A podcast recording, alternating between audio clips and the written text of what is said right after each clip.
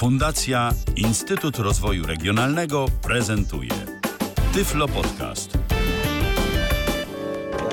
Co jest w telewizji grane? O czym radia szumią fale? Jeśli wiedzieć będziesz chciał, włącz po prostu RTV. W każdą sobotę od 16 na antenie radia DHT o aktualnych wydarzeniach związanych z radiem i telewizją opowiedzą Milena Wiśniewska i Michał Dziwisz.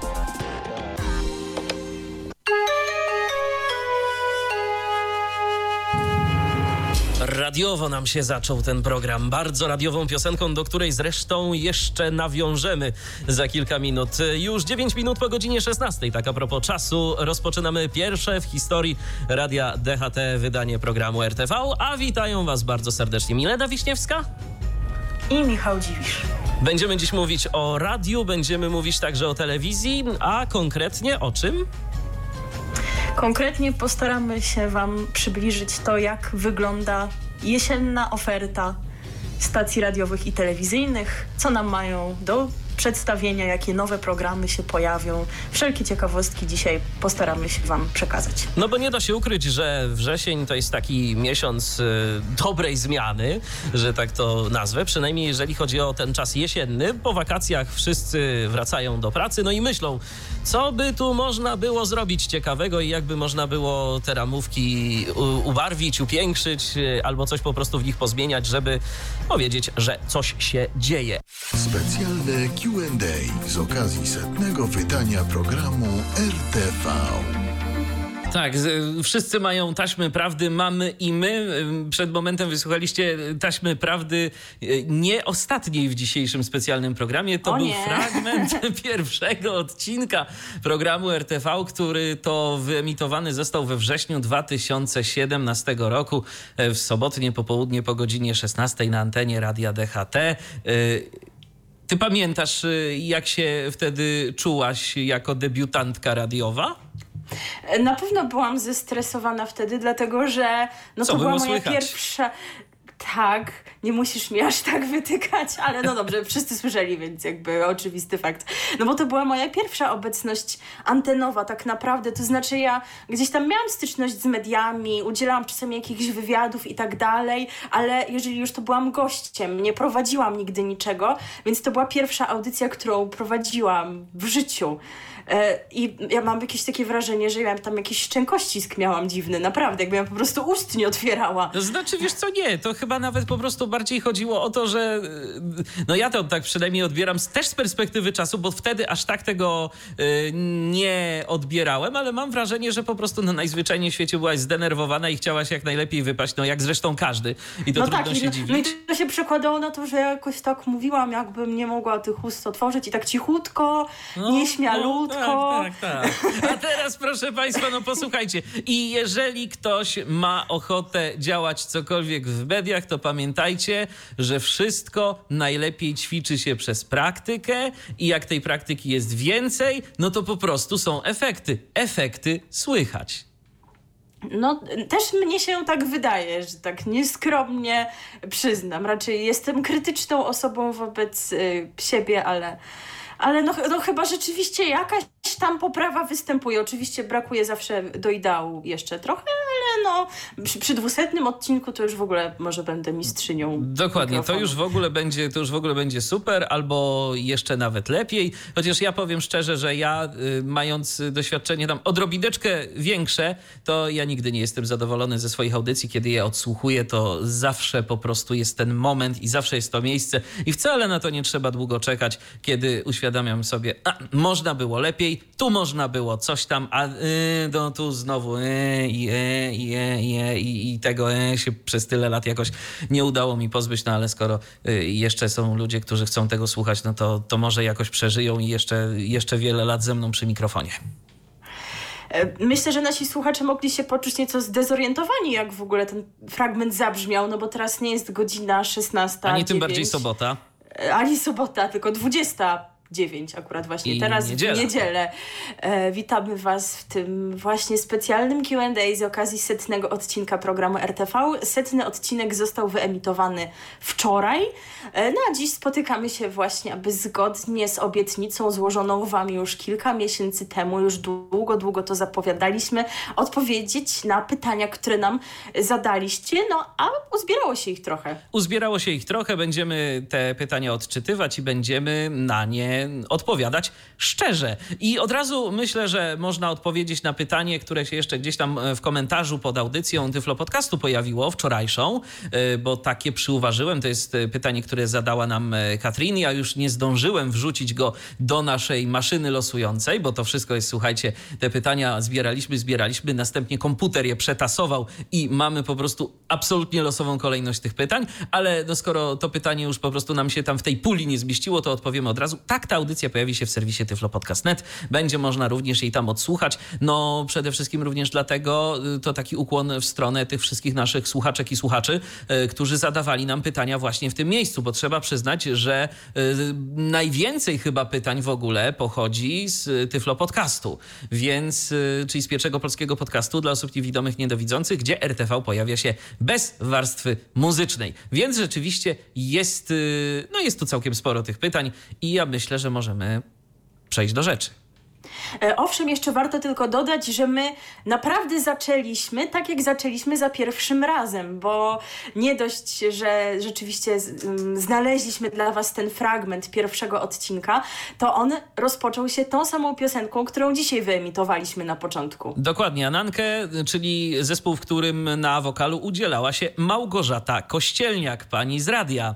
Kiedyś RMFFM, teraz Melo, Melo Tak, Radio. i to właśnie był pierwszy news w ogóle w RTV, prawda? Pierwszy Tak. news był o powstaniu Meloradia i nasz komentarz do tego i chyba właśnie po tym tak widać tę moją zmianę, bo dzisiaj to ja bym się pewnie z nich śmiała, prawda? Bo to Meloradio takie, no wiemy jakie No jest, jakie jest tak. takie cukierkowe. Tam a dla ja wtedy, przyjaciół Melo.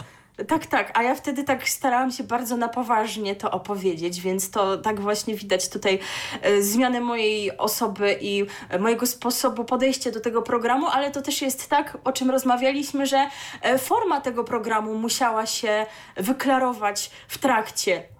My się nie umawialiśmy, czy będziemy poważni, czy będziemy zabawni, czy jak to będzie. To po prostu jakoś tak wyszło e, samo. Myślę, że gdyby ten program był taki zawsze bardzo, wiecie, poważny, tylko byśmy czytali informacje, grali piosenki do widzenia, no to byłoby to trochę nie do zniesienia, ale też z drugiej strony mnie jako debiutantce trudno byłoby od po samego początku być taką tutaj, wiecie, uśmiechniętą, wyluzowaną, jaką staram się być dzisiaj. Więc A mi ciężko samemu byłoby ciskać żartami na lewo i prawo, no bo to nie ma sensu, jeżeli robi to tylko jedna osoba. Nie, no to musi być dynamika, Owszem. musi być interakcja. No i tak też się, myślę, uczyliśmy, bo ten program jakimś tam minimalnym zmianom jednak podlegał w e, trakcie. Pewnie będzie jakaś tam okazja, żeby sobie jeszcze powspominać i powracać do tego wszystkiego, chociaż e, nie mamy jakiegoś takiego materiału, w którym byśmy zebrali na przykład nasze wpadki, prawda? Myślę, Nie, że trudno nie, by go nie. było nam stworzyć, albo byśmy musieli kogoś jeszcze zatrudnić tutaj, żeby powycinał te rzeczy, bo też znowu nie ma ich aż tak dużo. Dokładnie. Jakieś tam wiadomo przejęzyczenia są, y, no bo to jest y, rzecz nieunikniona. Mówimy w tym programie wszak sporo, y, a mm, no cóż, zdarzają się różnego rodzaju tego rzeczy, ale mm, żeby były to jakieś takie spektakularne wpadki? No to nie, nie. Nie mm, zdarzyło nam się na przykład, żeby na antenę padło jakieś brzydkie słowo, albo żeby na przykład na antenę poszło to, o czym rozmawiamy poza nią, y, albo żeby, nie wiem, żeby coś tu nagle, jakieś nieoczekiwane zjawisko nas y, dopadło, typu y, ktoś wszedł do mm, pomieszczenia, w którym jestem ja, albo jesteś ty i zaczął nagle wydawać z siebie jakieś dziwne dźwięki. No, takich sytuacji mogłoby być wiele. Natomiast rzeczywiście no, udało nam się to zrobić y, te 100 odcinków i 3 czwarte. Bez y, jakiejkolwiek wpadki. Ale no właśnie, no ten setny i trzy czwarte to teraz się y, zaczął, więc wszystko jeszcze przed nami. Nie chwalmy To jest otwarta, otwarta sprawa. To jest nietypowy odcinek, więc mogą dziać się nietypowe rzeczy. Y, Sama się tutaj troszkę y, obawiam, co to z tego dzisiaj wszystkiego wyjdzie. Y, No więc chyba należy y, zacząć. Jeszcze jedno, bo my się nie Jeszcze coś? przywitaliśmy i nie Ach, przedstawiliśmy. Nie przedstawiliśmy, ale nie ma w tym, w tym zestawie pytań pytania, pytanie, kto jest kto, więc chyba słuchacze wiedzą. No, ale wiesz, gdyby, gdyby, nie, gdyby jednak nie wiedzieli, to może tym razem tak y, się przedstawmy właściwie. Y, bo my zawsze przedstawiamy siebie nawzajem. To taka tradycja, gdyby ktoś nie wiedział. E, owszem, to, to prawda, ale teraz tak, żeby już nie było wątpliwości, ja nazywam się Milena Wiśniewska. A ja nazywam się Michał Dziwisz i mam nadzieję, że teraz już to jest wszystko jasne. Właśnie, bo ktoś mógł tego nie wiedzieć. No, no to rzeczywiście. Dobrze. Ale nie z tych Dziwiszów, od razu mówię. A ja też nie jestem spokrewniona z Michałem Wiśniewskim, co w czasie, kiedy zespół ich troje był modny, to było takie pytanie, które co jakiś czas mi zadawano. Czy jestem jedną z, jedną z córek Michała Wiśniewskiego, wiecie, tam siostrą e, e, Etienne, Vivienne, Fabienne i Xaviera, a teraz szykuje się kolejne dziecko Michała Wiśniewskiego z jego piątą żoną, e, które będzie miało na imię, to jest synek, będzie miał na imię Falco Amadeus. O, proszę. Dobrze. Przechodzimy do rzeczy. I zanim przeczytam pierwsze pytanie, bo będziemy czytać je wymiennie, to dodam tylko, że E, tak was uczulę na to, abyście nie byli zdziwieni, że na przykład wasze pytanie nie pojawi się dokładnie w takiej formie, w jakiej je zadaliście, ale zdarzało się po prostu tak, że pytania się dublowały. Kilka osób pytało nas o te same rzeczy, więc aby już tutaj nie było jakiegoś takiego podwojenia, e, no to po prostu wybieraliśmy jedno pytanie, tak aby jednak te wszystkie zagadnienia, które Was interesowały, uchwycić e, tutaj w tej puli, więc możecie być pewni, że wszystkie kwestie, które Was ciekawiły, tutaj się znajdą, ale może po prostu ujęte nieco innymi słowami. Są tutaj pytania Wasze i tak jak mówiliśmy, są tu też pytania nasze, bo stwierdziliśmy, że jest kilka takich kwestii, o których by warto może opowiedzieć i te pytania się też tutaj pojawiły i wszystkie są zmieszane, maszyna losująca rozlosowała, była, wiecie, cała ceremonia, tak jak w Totolotku, bęben maszyny był pusty i wyleciały z niej I zwolnienie blokady nastąpiło. Było jeszcze zwolnienie blokady, i, tak. I już. I pierwsze pytanie, które maszyna wylosowała, to w zasadzie nie jest pytanie, tylko hmm, sugestia. taka sugestia, bym powiedziała. Rozważcie możliwość wprowadzenia do programu trochę historii dotyczącej radia oraz telewizji.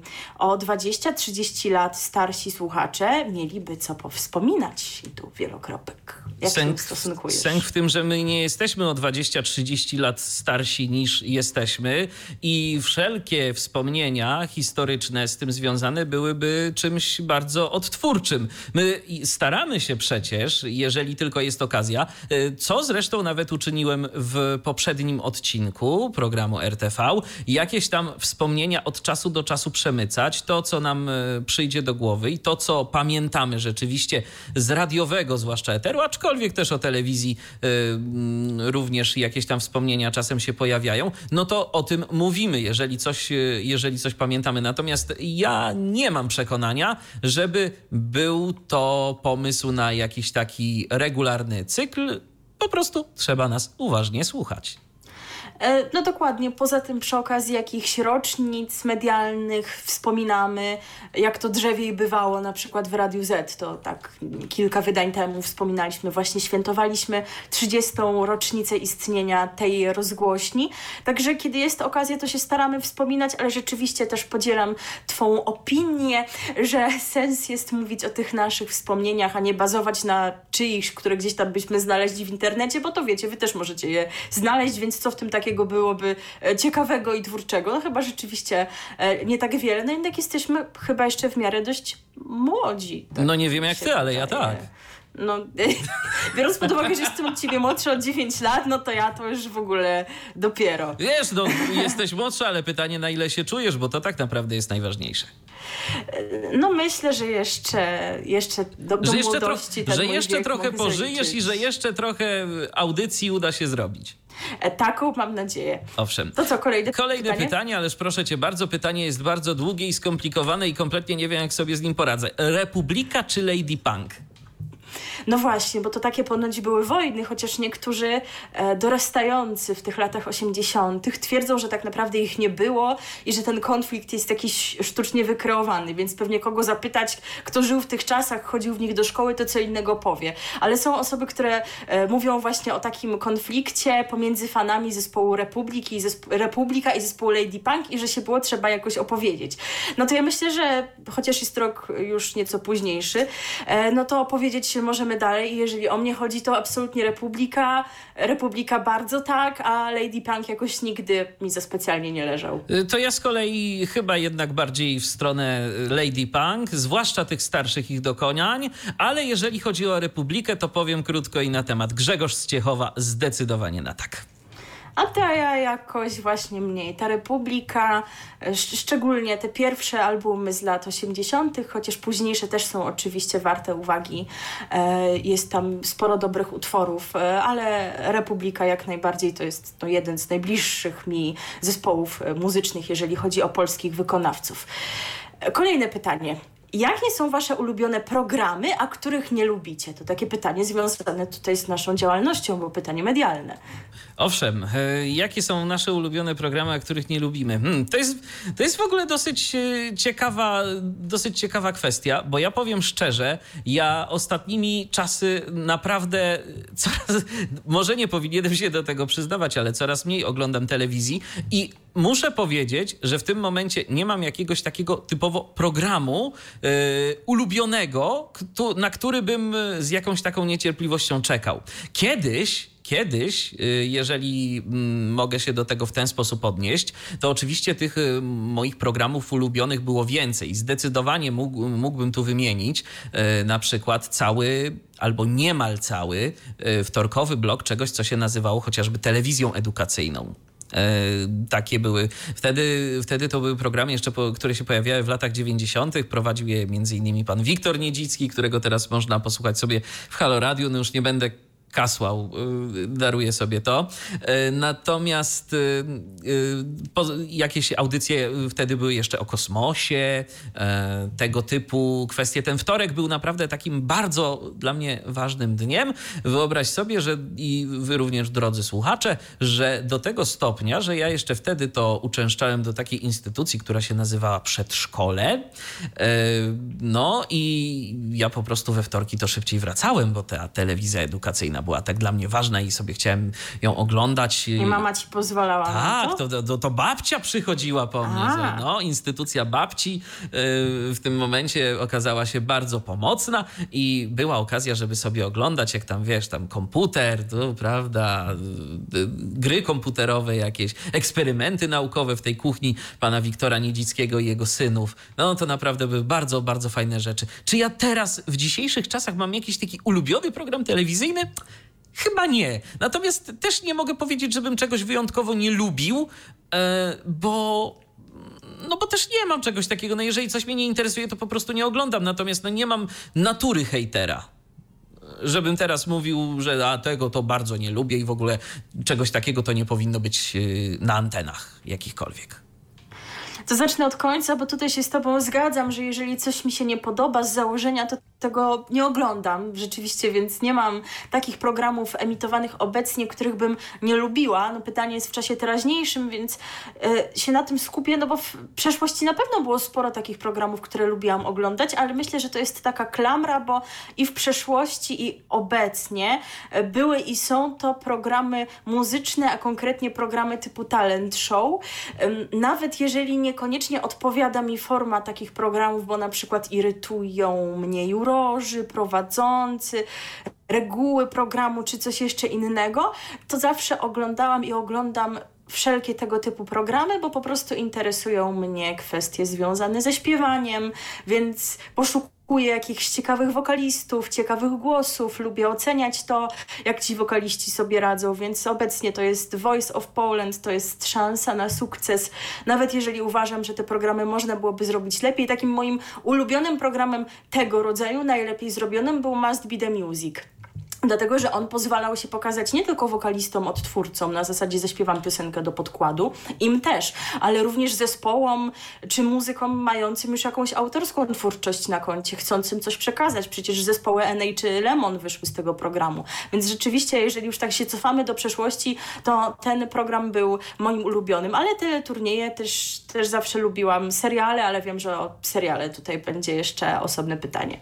Tak, więc no, masz po prostu dużo szczęścia, że formaty, które lubisz, to nadal są. Ja bardzo żałuję, że programy popularno-naukowe mm, są tak bardzo marginalizowane e, w tych takich stacjach e, ogólnych, bo oczywiście można sobie włączyć Discovery e, czy jakiś kanał tego typu, no i wtedy można coś sobie obejrzeć, natomiast no takich programów, jakie były kiedyś, programy, które chociażby no Sonda, tak, no próbowano ją reanimować, ale z jakimś takim chyba nie najlepszym skutkiem.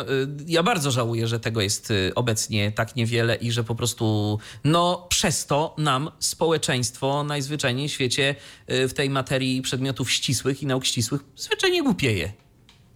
A telewizja polska mogłaby się zdecydowanie zająć produkcją takich formatów już chyba powielokroć o tym rozmawialiśmy. No misja to jednak jest od to jest misja. chyba właśnie od tego, żeby między innymi edukować. Tak jest. No to co? To następne będzie pytanie. Pytanie z gatunku tych y, prostych. Ketchup czy musztarda? Musztarda. Ketchup. No ketchup też jest ok. Na razie się różnimy, ale wydaje mi się, że będzie sporo takich pytań, w, w których się zgodzimy. Tak? Myślę, że tak. Przynajmniej podejrzewam. Kolejne pytanie. E, przenosimy się do internetu. Ulubione kanały na YouTubie.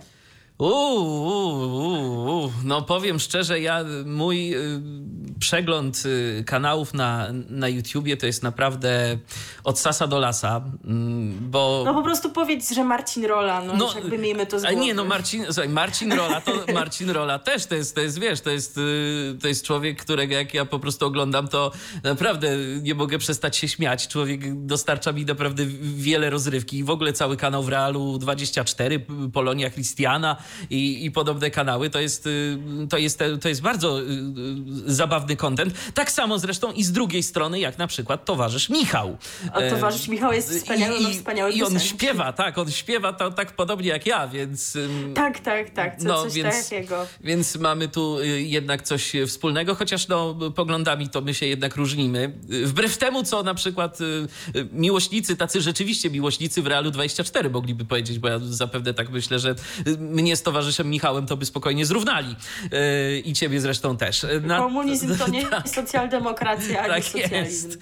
Dokładnie, więc, więc, to jest, więc to jest tego typu kwestia. Natomiast y, z takich rzeczy, które, które po prostu lubię oglądać, a nie jakoś tak y, szyderczo, no to y, różnego rodzaju rzeczy true crime, mm, tak zwane, y, które to ostatnio podbijają YouTube'a. Justyna Mazur, bardzo fajny cykl podcastów i materiałów, które zresztą na antenie Radia DHT też czasem można usłyszeć.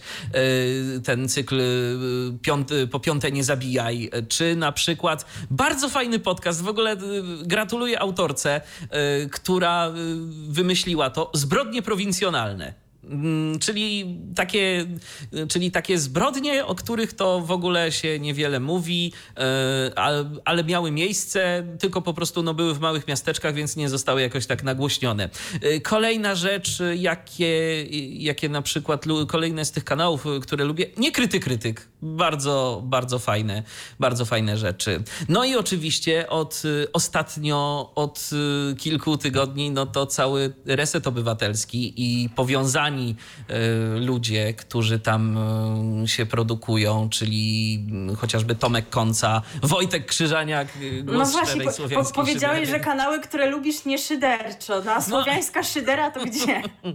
No właśnie, no słowiańska szydera to jest oczywiście, to jest kanał, który naprawdę oglądam regularnie, jest sub, jest łapka w górę, jest dzwoneczek, bo, bo po prostu Wojtek jest na tyle autentycznym człowiekiem, że jak mu, że jak mu się, że jak go się słucha, to po prostu wierzy się w to co, to, co mówi i widać, że nikogo nie udaje. I za to naprawdę człowieka bardzo cenię. Mimo, że się czasem mogę z nim nie zgodzić w czymś tam, ale to nie Oczywiście, o to chodzi. Oczywiście, też, też się nie tak, zawsze z nim Żeby zgadzam, się ze ale sobą w większości jednak tak. Tak, tak jest. No to teraz jak to z tobą? No też się oczywiście w pełni przychylam do uwielbienia dla Wojtka i dla Resetu Obywatelskiego. No to są świeże nabytki w naszych ulubionych kanałach, no ale zdecydowanie e, musiały tam zaistnieć. E, co do mnie, no tak jak wspomniałam, interesuję się śpiewaniem, e, więc oglądam kanały osób, które się w tym specjalizują, opowiadają o technice śpiewu. To jest Gosia Sacała, trener głosu i Śpiewaj Świadomie, kanał Marcina Łazarskiego. Chyba preferuję ten drugi z różnych względów, ale no więcej treści znajdziecie u Gosi, więc no co kto lubi, każdy tutaj może mieć swoje preferencje odnośnie tego, czyj sposób wykładania tych treści mu bardziej odpowiada, ale jak szukacie informacji o technice śpiewania, to możecie je właśnie tam znaleźć. No jak szukacie informacji o języku polskim, no to z kolei kanał Pauliny Mikuły, O, to tak. Też wiem, że oglądasz. Oczywiście, polecam również. O, to ja jeszcze mogę coś dorzucić, y, bo Proszę. bardzo, bo bardzo y, lubię, a po prostu ostatnio żaden film mi się y, nie pokazał. Bardzo lubię wywiady Karola Paciorka. To jest po prostu. Ja słyszałem i spotkałem się z takimi opiniami, że Tyflo Podcasty to są audycje długie, to są audycje przegadane i, i żeby krócej.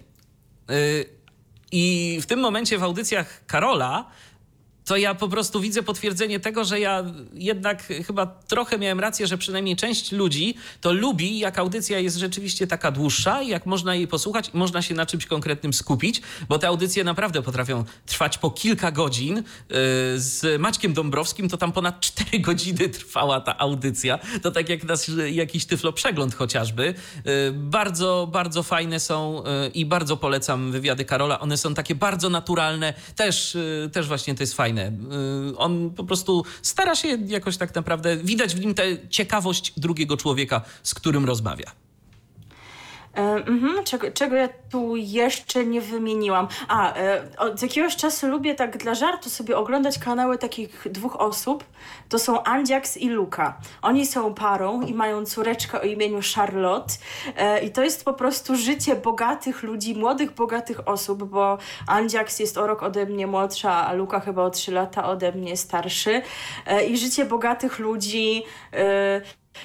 Na zasadzie, o, dzisiaj mam wspaniały dzień, spełnię moje marzenie, kupię moją wymarzoną torebkę tam za kilkadziesiąt tysięcy. Więc jak się chcę podenerwować, to sobie właśnie to, to włączę tak bardziej dla jakiegoś odmurzdzenia czy czegoś takiego. E, Z rzeczy politycznych to podcast Trójdzielnia, osoby o, osobom o poglądach lewicowych serdecznie polecam Trójdzielnie. Przyłączam odsłuch- się. Odsłuch społeczny e, też polecam. Wiem, że jest jeszcze lewy interes, ale ich jeszcze nie słuchałam, także nie wydam tutaj opinii, ale też wiem, że się wielu osobom podoba. E, zapewne coś jeszcze pominęłam, natomiast no, muszę to przyznać wprost, jestem w ogóle maniaczką, tak? Moim, jednym z moich ulubionych kanałów jest w ogóle, w ogóle Poland. Wiem, że u ciebie to tam nie zagrało, ale w moim przypadku no, bardzo lubię, bardzo lubię prasówki, lubię podcasty chłopaków, teraz się przeprowadzili do Barcelony i opowiadają o swoim wspaniałym życiu, znaczy no śmiesznym, bo różne tam im się przygody zdarzają, pechowe, ale śmieszne przy okazji. No i lubię to, jak obśmiewają gwiazdy celebrytów i również te gwiazdy internetu, to przez nich poznałam Andziaks i Lukę. Także jeżeli nie oglądacie Patryka i Adama, to polecam i oczywiście życzę im wszystkiego dobrego na tej nowej drodze w Barcelonie. Tak, bo to jest rzeczywiście y, też dosyć interesujący kanał. Ja oglądałem kilka odcinków, przyznam szczerze, kompletnie jakoś do mnie to nie trafiło. Natomiast rzeczywiście, no, to jest, y, to wszystko zależy od tego, co kto lubi. No to co? Przechodzimy do następnego pytania. Tak Kim jest. chcieliście zostać, jak byliście dziećmi? No, jak byłam mała, to chciałam być piosenkarką. E, wiem, że też przebąkiwałam, żebym chciała coś, jakieś plastyczne rzeczy robić, bo tak lubiłam z plasteliny lepić i myślałam, że będę jakąś plastyczką, ale to szybko mi przeszło. Ale piosenkarką chciałam być rzeczywiście, a później, jak poszłam już do szkoły, byłam w jakiejś tam czwartej czy piątej klasie, to sobie wymyśliłam, że będę polonistką. E, I tak mówiłam wszędzie i zawsze, i potem za mną ta legenda chodziła, że chcę być polonistką, ale no kształciłam się muzycznie dalej. Tam mi jeszcze chodziło po głowie, że chciałabym być kompozytorką, więc w sumie właśnie ta muzyczna pasja się, no była gdzieś tam najgłośniejsza zawsze, no ale było, było właśnie takie marzenie, żeby uczyć dzieci języka polskiego przez moment. A no widzisz, no to jeszcze wszystko przed tobą. Może, może jeszcze, może jeszcze będziesz polonistką, kto wie. Jakoś już chyba tego nie, Nie? czuję, ale Okej. może mi się zmieni. Okej, natomiast y, w moim przypadku mm, no to jest po prostu to, żeby mieć marzenia i je spełniać. Y, Tak mi akurat się w życiu poukładało. Ja wiedziałem, co ja chcę robić dokładnie od szóstego roku życia. Mm, To był bardzo przełomowy rok, y, bo na wiosnę to ja się dowiedziałem, że ja chcę być radiowcem, A y, na zimę to ja się dowiedziałem, że, że mnie też jeszcze komputery interesują. To znaczy one mnie gdzieś już tam wcześniej interesowały, ale dostałem wtedy swój pierwszy komputer na święta. To był Commodore 64. To tak jeszcze a propos tych wojen, bo tam się kiedyś to komodorowcy z zatarowcami i jeszcze spektrumiarze tam w międzyczasie y, gdzieś tam y, mieli co nieco do siebie. Tak jak Lady Punk i Republika. Natomiast no, ja właśnie chciałem się zajmować i radiem, i komputerami. Gdzieś jeszcze jakaś taka, mm, powiedzmy, e, ta mm, kariera prezentera dyskotekowego swego czasu mi się marzyła, ale jakoś nie, mm, nie było okazji, żeby to zrealizować. Za to pozostałe dwie rzeczy jak najbardziej. E, z racji tego, że udało mi się skończyć informatykę, mogę się podpisywać, że jestem pan inżynier od informatyki, natomiast dziennikarstwa nie udało mi się skończyć, bo nawet go nie zacząłem i nie miałem nigdy takiego zamiaru. Bo po prostu no, pewnych rzeczy udało mi się nauczyć zwyczajnie z praktyki, bo akurat praktykę radiową miałem okazję realizować już od y, lat y, bardzo młodych, y, w wieku 9 Ale będzie jeszcze o to pytanie. A, dobra, to, to okej, Spokojnie. okej. To Ja już Także tu ciąg się- dalszy dobrze. nastąpi. Ja już, tu się rozwi, ja już tu się rozwinąłem, ale będą taśmy prawdy, słuchajcie. To, to z, tego, z tego szóstego roku życia to też coś do was tu przejdzie. No już taki duży spoiler bez, bez przesady. Nie słyszeliście tego, żebyście mieli większą niespodziankę. Okej. Kolejne, ko- kolejne pytanie jest bardzo podstawowe, najważniejsze na świecie i nie może się bez niego odbyć żadne Q&A w tym kraju. A brzmi ono, dokąd tupta nocą jesz? Do lasu.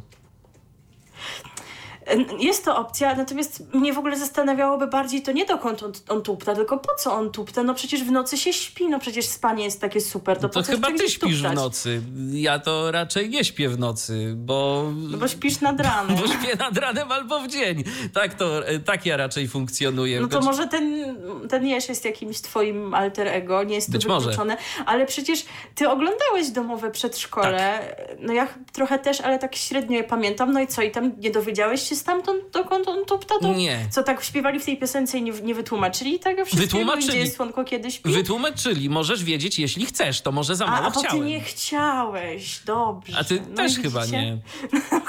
Chyba też nie bardzo. No widzicie, jest, jest y, problem, ale jeżeli wy oglądaliście domowe przedszkole uważniej i wiecie, to się możecie zawsze podzielić. Natomiast słuchajcie, jeszcze tak a propos jeża, y, z takiego bardzo mądrego podcastu Nerdy Nocą się dowiedziałem kiedyś, y, że to jest absolutnie nieprawda, że jeże noszą jabłka na grzbiecie. Więc y, prosimy nie kłaść, jak spotkacie jeża, to prosimy go nie uszczęśliwiać, y, nakładając mu na grzbiet jabłko, bo po prostu zwierzątko zmęczycie. Więc y, to tak jeszcze tylko nawiasem, bo radio uczy i radio bawi. Teraz kolejne pytanie. Czy macie jakieś swoje ulubione stacje radiowe?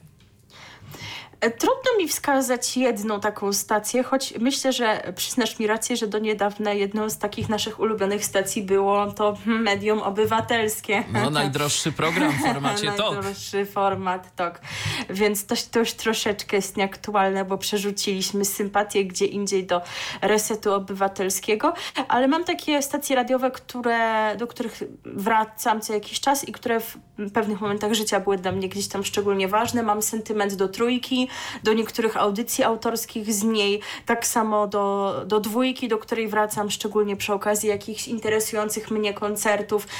A z kolei z okresu studiów mam sentyment do radia Muzo FM. Bardzo dużo go słuchałam, kiedy studiowałam. Ono e, wystartowało w tym samym miesiącu, kiedy ja rozpoczęłam studia, jakoś kilkanaście dni po mojej inauguracji roku akademickiego, więc już tak e, w ogóle czułam się z nim w jedności, e, bo no, grało taką dość przyjemną muzykę, taką, która mi odpowiadała, ale też taką lekką i przyjemną, a na przykład w trójce czy w dwójce różne klimaty można było znaleźć o określonych e, porach, niekoniecznie takie przyjemne, kiedy ja właśnie chciałam się odstresować, więc to muzeum mi się tak bardzo ze studiami kojarzy, no i to są takie właśnie stacje, do których mam ten szczególny sentyment. Z kolei ja bardzo lubię stacje radiowe, no głównie zagraniczne. Jakoś w polskim eterze nie mogę znaleźć niczego dla siebie, bo dla mnie w polskim eterze y, wiele jest stacji, które są za. Albo za bardzo alternatywne, albo za bardzo mainstreamowe, albo do czegoś jest za dużo, y, albo czegoś jest za mało, ale jest jedna stacja, y, do której mam ogromny sentyment i która to stacja mm, towarzyszy mi bardzo często na co dzień. To jest Radio Caroline, którego to słucham regularnie. To jest stacja nadająca z Wielkiej Brytanii, stacja, no myślę, że dla części mieszkańców wysp mająca tak kultowe znaczenie jak dla nas trójka. Mm, ja bym chciał mieć taką trójkę, jak tam jest Caroline, tak szczerze mówiąc. No ale cóż, to po prostu pozostaje się przełączyć na mm, odbiór tamtejszego radia i sobie słuchać. Ostatnimi czasy też na przykład podsłuchuję sobie mm, BBC dwójkę, bo mm, tak zaciekawiło mnie na dłuższą metę, jak oni to robią, jak robią ten program i też muszę powiedzieć, że jest to stacja całkiem przyjemna, może czasem trochę za bardzo przegadana dla kogoś, kto języka angielskiego nie zna na tyle, żeby rozumieć każde słowo. Natomiast e, jeżeli ktoś e, nie ma z tym większych problemów, to śmiało BBC dwójkę mogę polecać, a dla tych, którzy są e, nieco bardziej wybredni muzycznie, no to szóstkę BBC. Tam jest dużo programów już takich bardzo eklektycznych, jeżeli chodzi o muzykę. Ale Radio Caroline myślę, że zadowoli wasze gusta, chociaż mamy tu w redakcji takiego kolegę, pozdrawiamy Patryka bardzo serdecznie, który to twierdzi, że to jest stacja zbyt y, alternatywna dla niego. Ja nie wiem skąd on to wziął. E, trudno mi się do tego odnieść. Może trafił na jakiś moment taki i wyrobił tak, sobie oni tam lubią zagrać Michael Oldfielda, Tubular Bells, y, y, całą pierwszą stronę płyty na przykład, no bo czemu nie? No bo czemu Fajne. nie? No. no pewnie. E, kolejne pytanie o ulubione filmy. Masz jakieś? Uuu, zrobiłem jak Tarzan e, prawie, że, ale to dlatego, że ja po prostu nie mam. Y, jeżeli ktoś by mnie zapytał o ulubione książki, to bym powiedział, natomiast ulubione filmy, ja mam po prostu pustkę w głowie, więc nie będę udawał, że jest inaczej. No właśnie, nie ma tu pytania o książki, e, ale chyba nie, nie wiem, czy chcę improwizować i na nie odpowiadać, bo musiałabym chyba to przemyśleć, która to wiesz, jest jakąś moją ulubioną. A masz jakieś ulubione filmy? Tak zna chora na każde święta, na 1 listopada, na Wielkanoc, na wszystko zawsze oglądam. To, ja powiem, wiem, o, to ja powiem o książkach, skoro nie mam filmów, y, żeby, żeby nie było, że odpowiadam nie wiem y, na, na to pytanie, to tak od, udzielę odpowiedzi wymijającej. Po prostu prawie wszystkie poza rokiem interny. Ale tak poza tym to wszystkie książki Robina Kuka. Polecam. E, no ja lubię taki e, gatunek książek, w którym są jakieś elementy historyczne, ale też jakieś wątki na przykład obyczajowe czy miłosne, a więc jakieś takie sagi rodzinne, które rozgrywają się w czasie na przykład wojny albo w czasie no jakimś minionym, a więc takie książki, w których z jednej strony jest jakiś taki ciekawy wątek, który może mnie zafrapować na przykład właśnie jakiegoś uczucia czy czegoś takiego, ale z drugiej no nie odbywa się to teraz, tylko właśnie w jakichś czasach, e, w których nie dane było mi życie, a więc mogę się czegoś e, dowiedzieć. Są to dla mnie jakieś takie nieznane realia. I tutaj mogę polecić książki między innymi pani Joanny Jaks, jej, e, jej wszystkie sagi. Myślę, że są, są zdecydowanie wartymi uwagi i pozycjami, chociaż też wiem, że są różne opinie na ich temat, ale mnie się akurat podobały. No to z takich rzeczy to ja na przykład mogę stulecie, cykl stulecie Kena Folletta polecić. Ja ci też zresztą to polecałem i jeszcze nie przeczytałaś. I jeszcze nie przeczytałam. Okej, okay, no to może kiedyś e, uda ci się nadrobić. E, kolejne pytanie. Jakiej muzyki lubicie słuchać? Mm, no, jako e, dziewczynka po szkole muzycznej, no to jest taki stereotyp, nie wiem na ile rozpowszechniony, ale się z nim spotkałam, że osoby, które skończyły szkołę muzyczną, to słuchają tylko muzyki poważnej, klasycznej, no i rzeczywiście znam kilka takich osób, ale ja taką nie jestem i e, jeżeli chodzi o muzykę e, klasyczną, to tak naprawdę musiałam do niej dojrzeć i to moje dojrzewanie nie było równoległe z moją muzyczną edukacją. To znaczy chodziłam do szkoły muzycznej i ta muzyka klasyczna była ok, ale słuchałam innych rzeczy i słuchałam na przykład Radia SK, tak, przez jakiś czas, czy tam innych e, takich stacji grających nowoczesną muzykę pop. Dopiero później przyszła taka taka dojrzałość do tej muzyki klasycznej, ale wcześniej jeszcze przyszła fascynacja muzyką alternatywną, rockową i gdzieś tam te klimaty są mi do dzisiaj bliskie.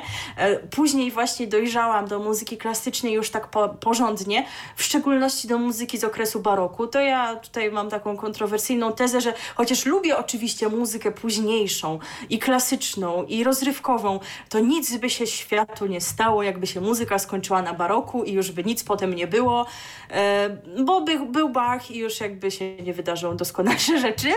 E, wiem, wiem, kontrowersyjne, ale, ale cóż poradzić, co nie zmienia faktu, że nie doceniam tego wszystkiego, znaczy doceniam jak najbardziej to wszystko oczywiście, co się wydarzyło później, lubię też muzykę epoki romantyzmu, e, ale tak poza tym, no to blisko jest mi też tak zwana piosenka literacka, piosenki z mądrym tekstem, to co też niektórzy nazywają poezją śpiewaną, ale dobrym popem również nie pogardzę, bo coś takiego przyjemnego, lekkiego do posłuchania z fajną melodią również się od, od czasu do czasu przyda.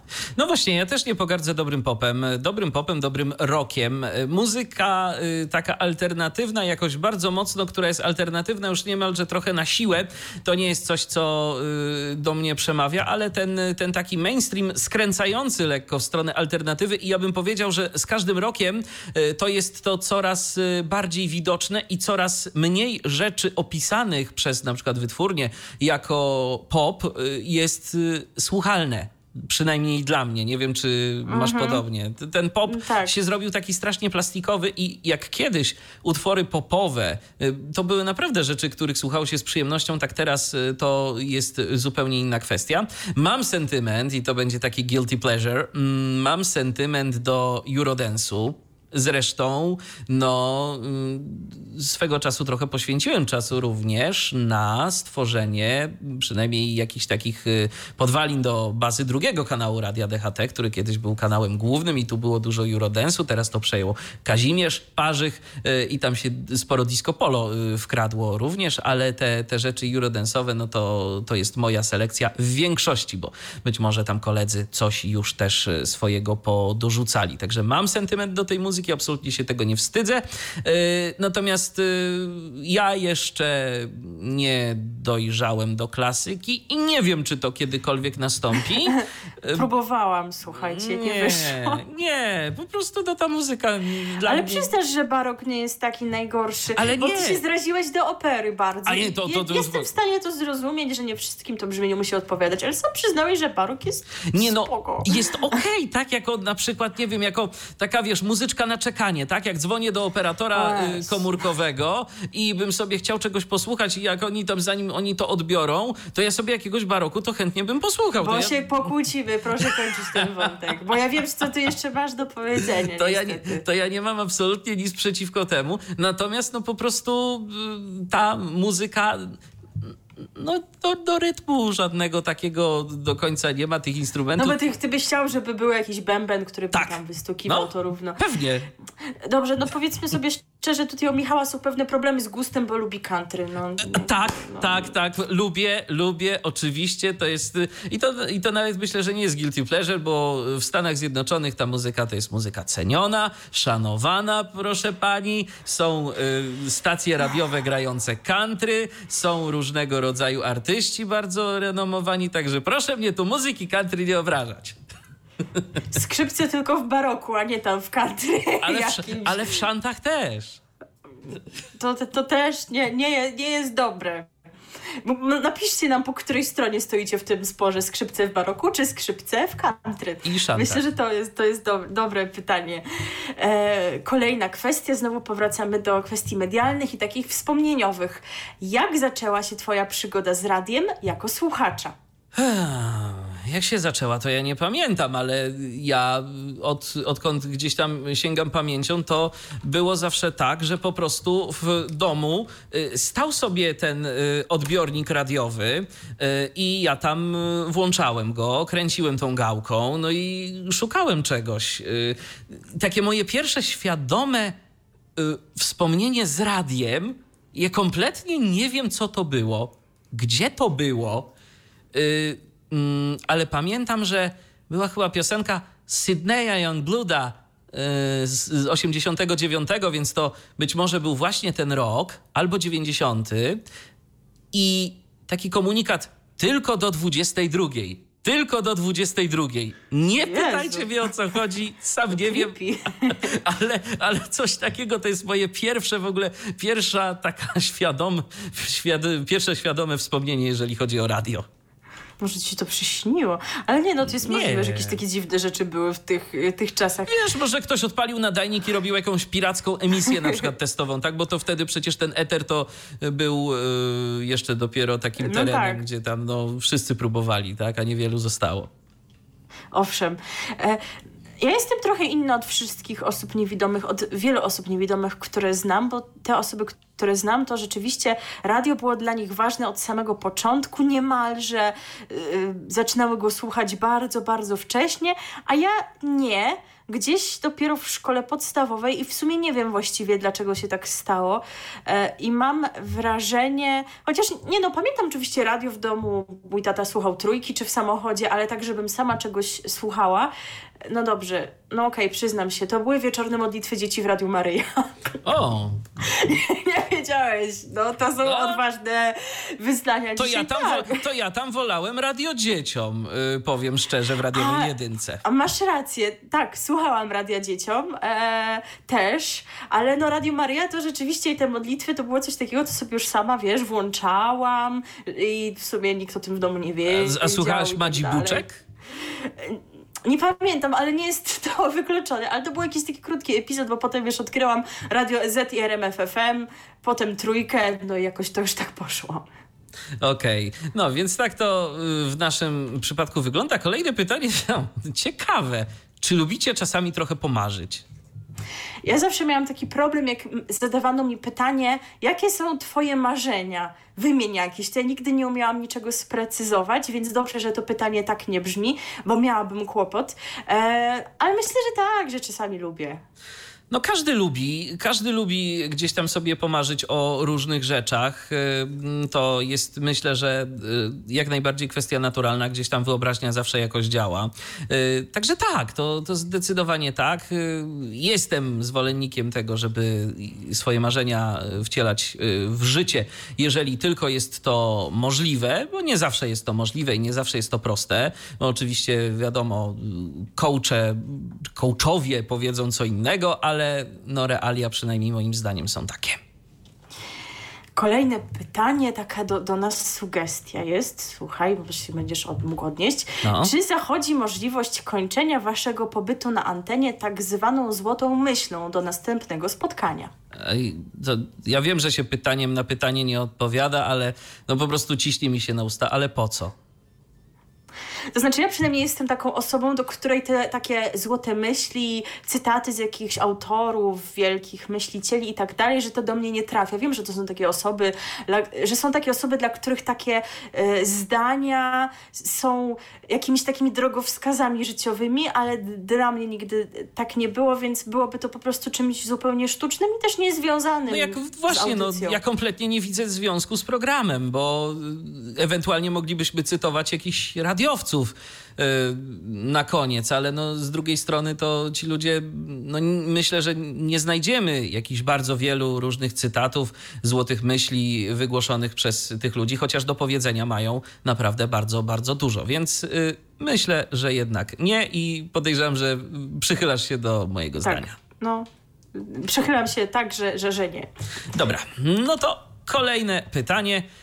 Skąd pomysł na RTV? E, nie wiem, czy pamiętacie, myślę, że słuchacze, którzy są z nami długo, pamiętają, że program o podobnej tematyce już tutaj przed nami był, że my nie jesteśmy pierwsi. Owszem, e, co w mediach piszczy. Pozdrawiamy bardzo serdecznie m, Kamila Łukaszewicza, Grzegorza Przystupę, e, którzy ten program na antenie Radia DHT prowadzili. To właściwie była audycja przede wszystkim Kamila, e, no, który, który ją prowadził Mm, i czasem właśnie e, Grzesiek mu też pomagał. E, Ten program przez pewien czas się pojawiał na antenie, a później jakoś tak zniknął, ale No, jakoś tak się Tak. ułożyło, że Ale idea tego- Nie mieli możliwości tak. robienia go. Ale idea tego programu, no to powiem szczerze, nie jest nowa, bo w moim, przynajmniej w mojej historii, to ja robiłem też w ogóle wcześniej dwa programy poświęcone mediom. To był program Igol FM o mediach. yy, Kiedyś, kiedyś, dawno, dawno temu, właśnie w radiu Igol FM i Friko Media, program na antenie radia Friko. Yy, Zarówno jedna stacja, jak i druga już nie istnieją. To nie wiem, czy to, dobrze wróży, ale myślę, że myślę, że tak yy, i myślę, że rzeczywiście no, były to całkiem fajne mm, tematy. Też w ogóle mm, ważne jest to, że my możemy sobie w radiu internetowym na coś takiego pozwolić. Bo y, żadne radio naziemne nie weźmie programu o mediach jako o radiu i telewizji. Może, weź, może wezmą program y, o telewizji, natomiast o konkurencyjnych stacjach radiowych, no gdzie? No nie ma na to absolutnie szans. A my tu nie musimy walczyć o żadne słupki, nic nas y, nie goni, my możemy wam po prostu przedstawiać y, w, no, te programy i te informacje, y, o których chcemy wam opowiedzieć, o których naszym zdaniem warto jest opowiedzieć. Ale tak właśnie było, że kiedy program Co w mediach piszczy przestał być emitowany przez Kamila i Grześka, to doszliśmy do wniosku, że szkoda byłoby tę ideę zaprzepaścić i postanowiliśmy to kontynuować. No i tak jesteśmy już trzy lata z hakiem, 100 odcinków. Dokładnie. I jedna trzecia. Owszem. E, kolejne pytanie jest związane z tym tematem. Sobie wyobraź, taka ta maszyna losująca jest mądra. A, sztuczna inteligencja. AI. Tak jest. Jak powstaje nasz program? No, jak powstaje nasz program? Siadamy, robimy notatki, robimy research, a tak naprawdę powiedzmy sobie szczerze, że jest tu jednak pewien podział obowiązków. E, I e, w Twoim przypadku no, jest to z naciskiem na research. E, W moim przypadku jest na całą techniczną, mm, całe techniczne ogarnięcie tego wszystkiego, E, ale oczywiście wspieramy się w tym. E, To nie jest tak, że, że nie, natomiast no, podział jest jakiś. Przeglądamy te wszystkie portale medialne, przeglądasz te portale. No i co dalej? E, No, przeglądam te portale, znajduję informacje i dokonuję podziału obowiązków. E, Kto przygotuje informacje na które z tematów. E, Przesyłam Michałowi linki do odpowiednich artykułów na portalach medialnych, no i Michał przygotowuje swoje notatki, ja swoje. Następnie układamy te tematy w kolejności, tak aby była interesująca, aby na początku się pojawiały tematy najważniejsze z perspektywy danego tygodnia. E, No i dobieramy piosenki do poszczególnych wejść, które również nie są przypadkowe, jak na pewno wiecie, a- a nie było tak od początku. Na samym początku e, w programie pojawiały się piosenki z gatunku Eurodance, ponieważ wówczas, jak Michał wspomniał, na antenie Radia THT grała właśnie taka muzyka i u nas też taka była, ale ja nawet nie wiem, jak to się stało. Jakoś tak chyba zaczęliśmy przy okazji jednego czy drugiego wejścia Tak, dobierać to tematycznie. Dobierać odpowiadającą tematycznie. tematycznie, ale no nie były to na przykład wszystkie piosenki w danej audycji, tylko kilka, bo do e, niektórych trud- wejść nam było trudno coś znaleźć, a potem jakoś tak się, się stało, że zaczęliśmy dobierać tematycznie piosenki do wszystkich tematów, co nie zawsze jest łatwe, więc czasem trzeba, wiecie, trochę tam ponaciągać i obronić na antenie tezę, że ta piosenka pasuje do tego akurat tematu, ale jakoś nam się udaje i, i zawsze coś znajdziemy. Jest to szeroki przekrój piosenek różnych gatunków polskich, zagranicznych, z całego świata tak naprawdę. E, no i Wszystko, to- co się mieści w naszej płytotece. I Tak. jeszcze jedna rzecz a propos piosenek. Zawsze zaczynamy naszą audycję. Kiedyś nawet i ze dwie piosenki się potrafiły pojawiać, albo i trzy na ten temat, ale od, y, no, już od długiego czasu zawsze audycję zaczynamy piosenką o radiu, bądź to o telewizji. E, tak, tak robimy. No i ten nasz research ma miejsce w czwartek albo w piątek. To znaczy, no, staramy się już w ciągu tygodnia monitorować, jakie rzeczy się w mediach dzieją, ale to wszystko sobie zbieramy e, dwa dni lub dzień przed, żeby już na pewno mieć wszystko, co się zdarzyło, żeby już nic e, albo niezbyt wiele doszło do tej naszej puli informacji. Tak, słuchajcie, tu bardzo rzadko jest improwizacja, że wyszukujemy coś na ostatnią chwilę, bo po prostu chcemy się skupić na y, prowadzeniu programu i na tym, żeby jednak przekazać wam te informacje w sposób możliwie jak najbardziej strawny.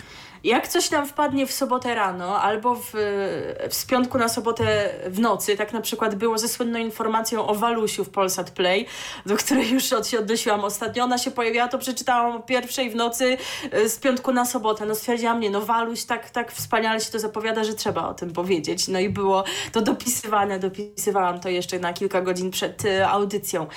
E, no i co? I w, przed godziną 16 siadamy. Czy tu ujawniamy jakieś szczegóły techniczne dotyczące realizacji tego programu? To znaczy to siad siadamy, siadamy, po prostu mm, możemy powiedzieć, że łączymy się w tym momencie za pomocą komunikatora Zoom.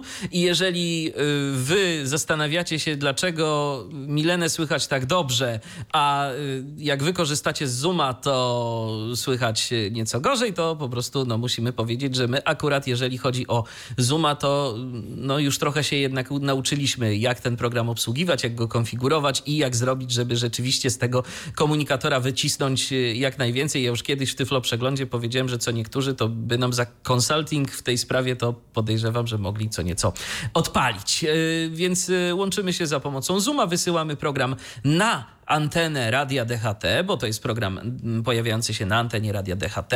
Później y, ja y, siadam nad plikiem z tak zwanego szpiega, y, który otrzymuję z naszego serwera emisyjnego.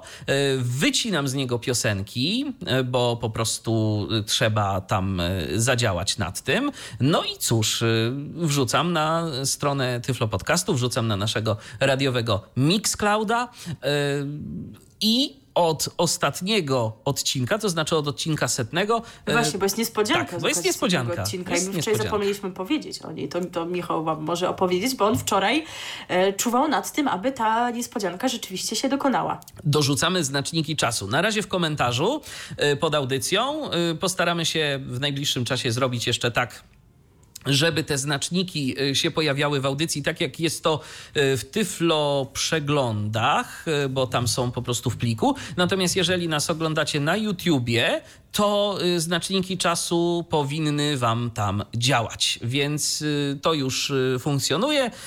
To jest na razie taka wersja beta, ale mamy nadzieję, że Wam się to spodoba, bo zdajemy sobie doskonale sprawę z tego, że niektóre audycje po prostu, no niektóre tematy tylko Was będą interesować w danym programie. No tak, to ktoś lubi radio tylko, a nie lubi spraw związanych z telewizją. Ktoś, Bądź odwrotnie. Kogoś, kogoś interesuje to, co jest w telewizji Republika, a nie interesuje go to, co w takich mediach, które wydają mu się, czy też są e, bardziej lewicowe, prawda? No i to jest oczywiście w pełni naturalne. naturalne. U nas są wszystkie informacje e, z, wszelkich stron i wszelkich e, mediów, no z wyjątkiem prasy, bo na tym się nie znamy, więc jak najbardziej rozumiemy, że nie wszystko musi interesować wszystkich i stąd właśnie pomysł, aby w, w taki sposób Wam przekazywać informacje, czego się możecie w programie spodziewać i w której jego części. Tak, staramy się to to jest myślę, że też ważne, bo my gdzieś tam nie ukrywamy jakichś swoich y, czy poglądów, czy przekonań, y, jakiejś naszej y, wizji tego wszystkiego, wizji świata, ale też nie mamy absolutnie żadnego problemu, żeby o czymś powiedzieć, co nam się powiedzmy, no co nie jest z naszej bajki, bo trzeba umieć oddzielić informację od komentarza. Ależ oczywiście, I to że, jest, że zawsze. To jest, taka, to jest taka rzecz, której rzeczywiście staramy się pilnować, y, żeby po prostu, no jednak nawet jeżeli gdzieś jest ten komentarz w trakcie podawania informacji, y, no to, to chyba to jednak słychać i y, każde wprawne ucho zrozumie, kiedy komentujemy, kiedy gdzieś tam puszczamy oczko do was, a kiedy, no kiedy mówimy o tym, co się rzeczywiście dzieje, kiedy potrafimy być zarówno poważni, jak i gdzieś tam sobie z tego i owego pożartować, bo uważam, uważamy, że jest na to zarówno czas i miejsce, na jedno, jak i na drugie.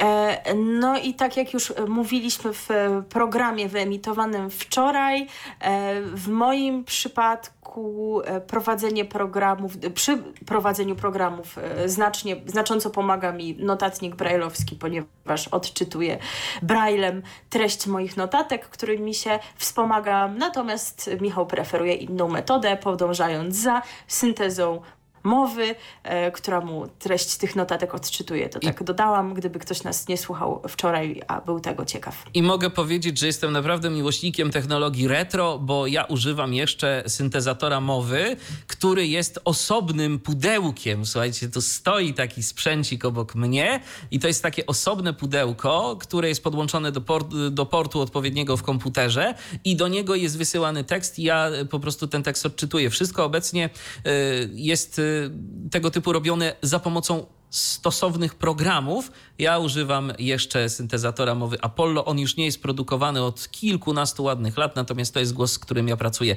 już lat dokładnie licząc 21. E, kolejne pytanie, czy coś jeszcze tutaj chcemy Nie, dodać? myślę, że kolejne możemy. A to, to, to, to To, twoje, to teraz a już moje. Chciałam no to wyrywać. dobrze. A to dobrze, to proszę bardzo. Czym zajmujecie się na co dzień? A zatem, em, no może powiem o tym, czym się zajmowałam jeszcze do zeszłego roku, bo studiowałam, jak wspomniałam, o tym chyba nie będzie w żadnym pytaniu, więc warto tutaj dodać. Studiowałam teorię muzyki na Akademii Muzycznej w Gdańsku e, i te studia skończyłam w zeszłym roku, e, a obecnie studiuję podyplomowo na Uniwersytecie Kazimierza Wielkiego w Bydgoszczy e, kierunek pod nazwą Zarządzanie dostępnością, specjalista do spraw dostępności. E, No a poza tym wiecie jak jest, nie jest łatwo, e, szczególnie w e, pandemicznej rzeczywistości, więc tutaj kwestie zatrudnienia nie są takie łatwe. Przed pandemią miałam okazję prowadzić wykłady z zakresu historii muzyki dla słuchaczy Uniwersytetu Trzeciego Wieku, więc mam nadzieję, że uda mi się do tego po pandemii wrócić, bo to było bardzo fajne doświadczenie. No a wiadomo, seniorzy jako najbardziej zagrożona grupa, podatna na potencjalne zakażenie, no to jest oczywiście preferowane, aby zostawała w domu, jak my wszyscy, no ale tutaj wiadomo, że jest to takie naj, najważniejsze. E, więc mam nadzieję, że, że do tego wrócę i że w którejś z moich dziedzin, w których próbuję się kształcić, czy też się kształciłam, uda mi się w przyszłości e, działać jakoś e, efektywnie. Dodam jeszcze odnośnie studiowania, no, że w pandemicznej rzeczywistości to jest studiowanie online, więc sobie siadam przed komputerem. Miałaś okazję poznać wykładów. Teamsy. Miałam okazję poznać Teamsy, na które wszyscy narzekają. No nie jest to najpiękniejszy program świata, Zoom jest ładniejszy, ale, ale da się ogarnąć i nie miałam sytuacji, w której spóźniłabym się na wykład z powodu niemożności ogarnięcia tego wszystkiego, e, chociaż czasem się już stresuję, że tam nie znajdę tego odnośnika do wykładu w oknie Teamsów, ale jak na razie się wszystko udaje, więc da się to ogarnąć. Z komputera również, bo słyszałam takie informacje, że z telefonu jest łatwiej, ale z komputera też się da. Tak, bo to jest akurat dostępny program. e, Co by nie mówić, Microsoft e, wdraża tę dostępność, zwłaszcza teraz, kiedy Satya Nadella jest u steru e, w tej firmie, to dostępność rzeczywiście nie jest jakimś tam kwiatkiem do kożucha, tylko czymś, co, e, co po prostu jest realizowane w tej, e, w tej instytucji. A co do mnie, ja w tym momencie, to jest moje jedyne tak naprawdę zajęcie, pracuję w Fundacji Instytut Rozwoju Regionalnego, zajmuję się przede wszystkim Tyflo Podcastem, pierwszym polskim podcastem dla osób niewidomych i niedowidzących, prowadzenie, y, gdzieś tam pilnowanie tego, żeby wszystko było na czas, y, też jakieś kwestie związane z rozliczaniem tych projektów, y, dbanie o to, żeby się nam wszystko ładnie w zestawieniach też zgadzało y, i żeby, żeby instytucja finansująca to była zadowolona, żeby nam się i też wolontariaty zgadzały, czyli właśnie Tak. między innymi, tak, czyli właśnie między innymi programy RTV, które, które robimy wolontariacko w ramach działań e, tyflo podcastowych. Y, Cóż jeszcze? No, to nie jest y, jedyna rzecz, jaką zajmuję się w y, firze.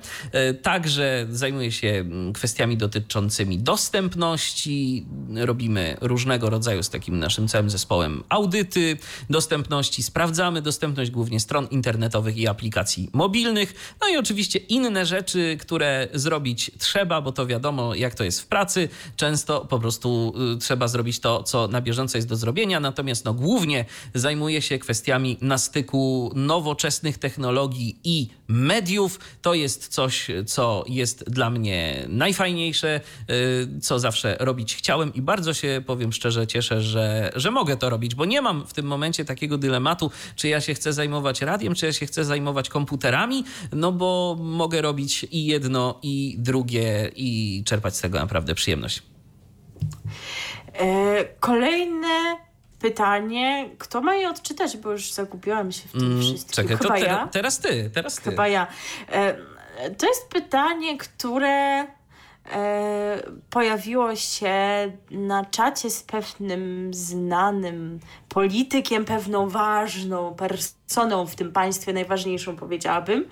I w zasadzie skąd ono się wzięło, to ja do końca nie wiem, ale zaraz do tego dojdziemy. Otóż ono brzmi, czy poratowałbyś pana żółtka szlugiem lub złotóweczką?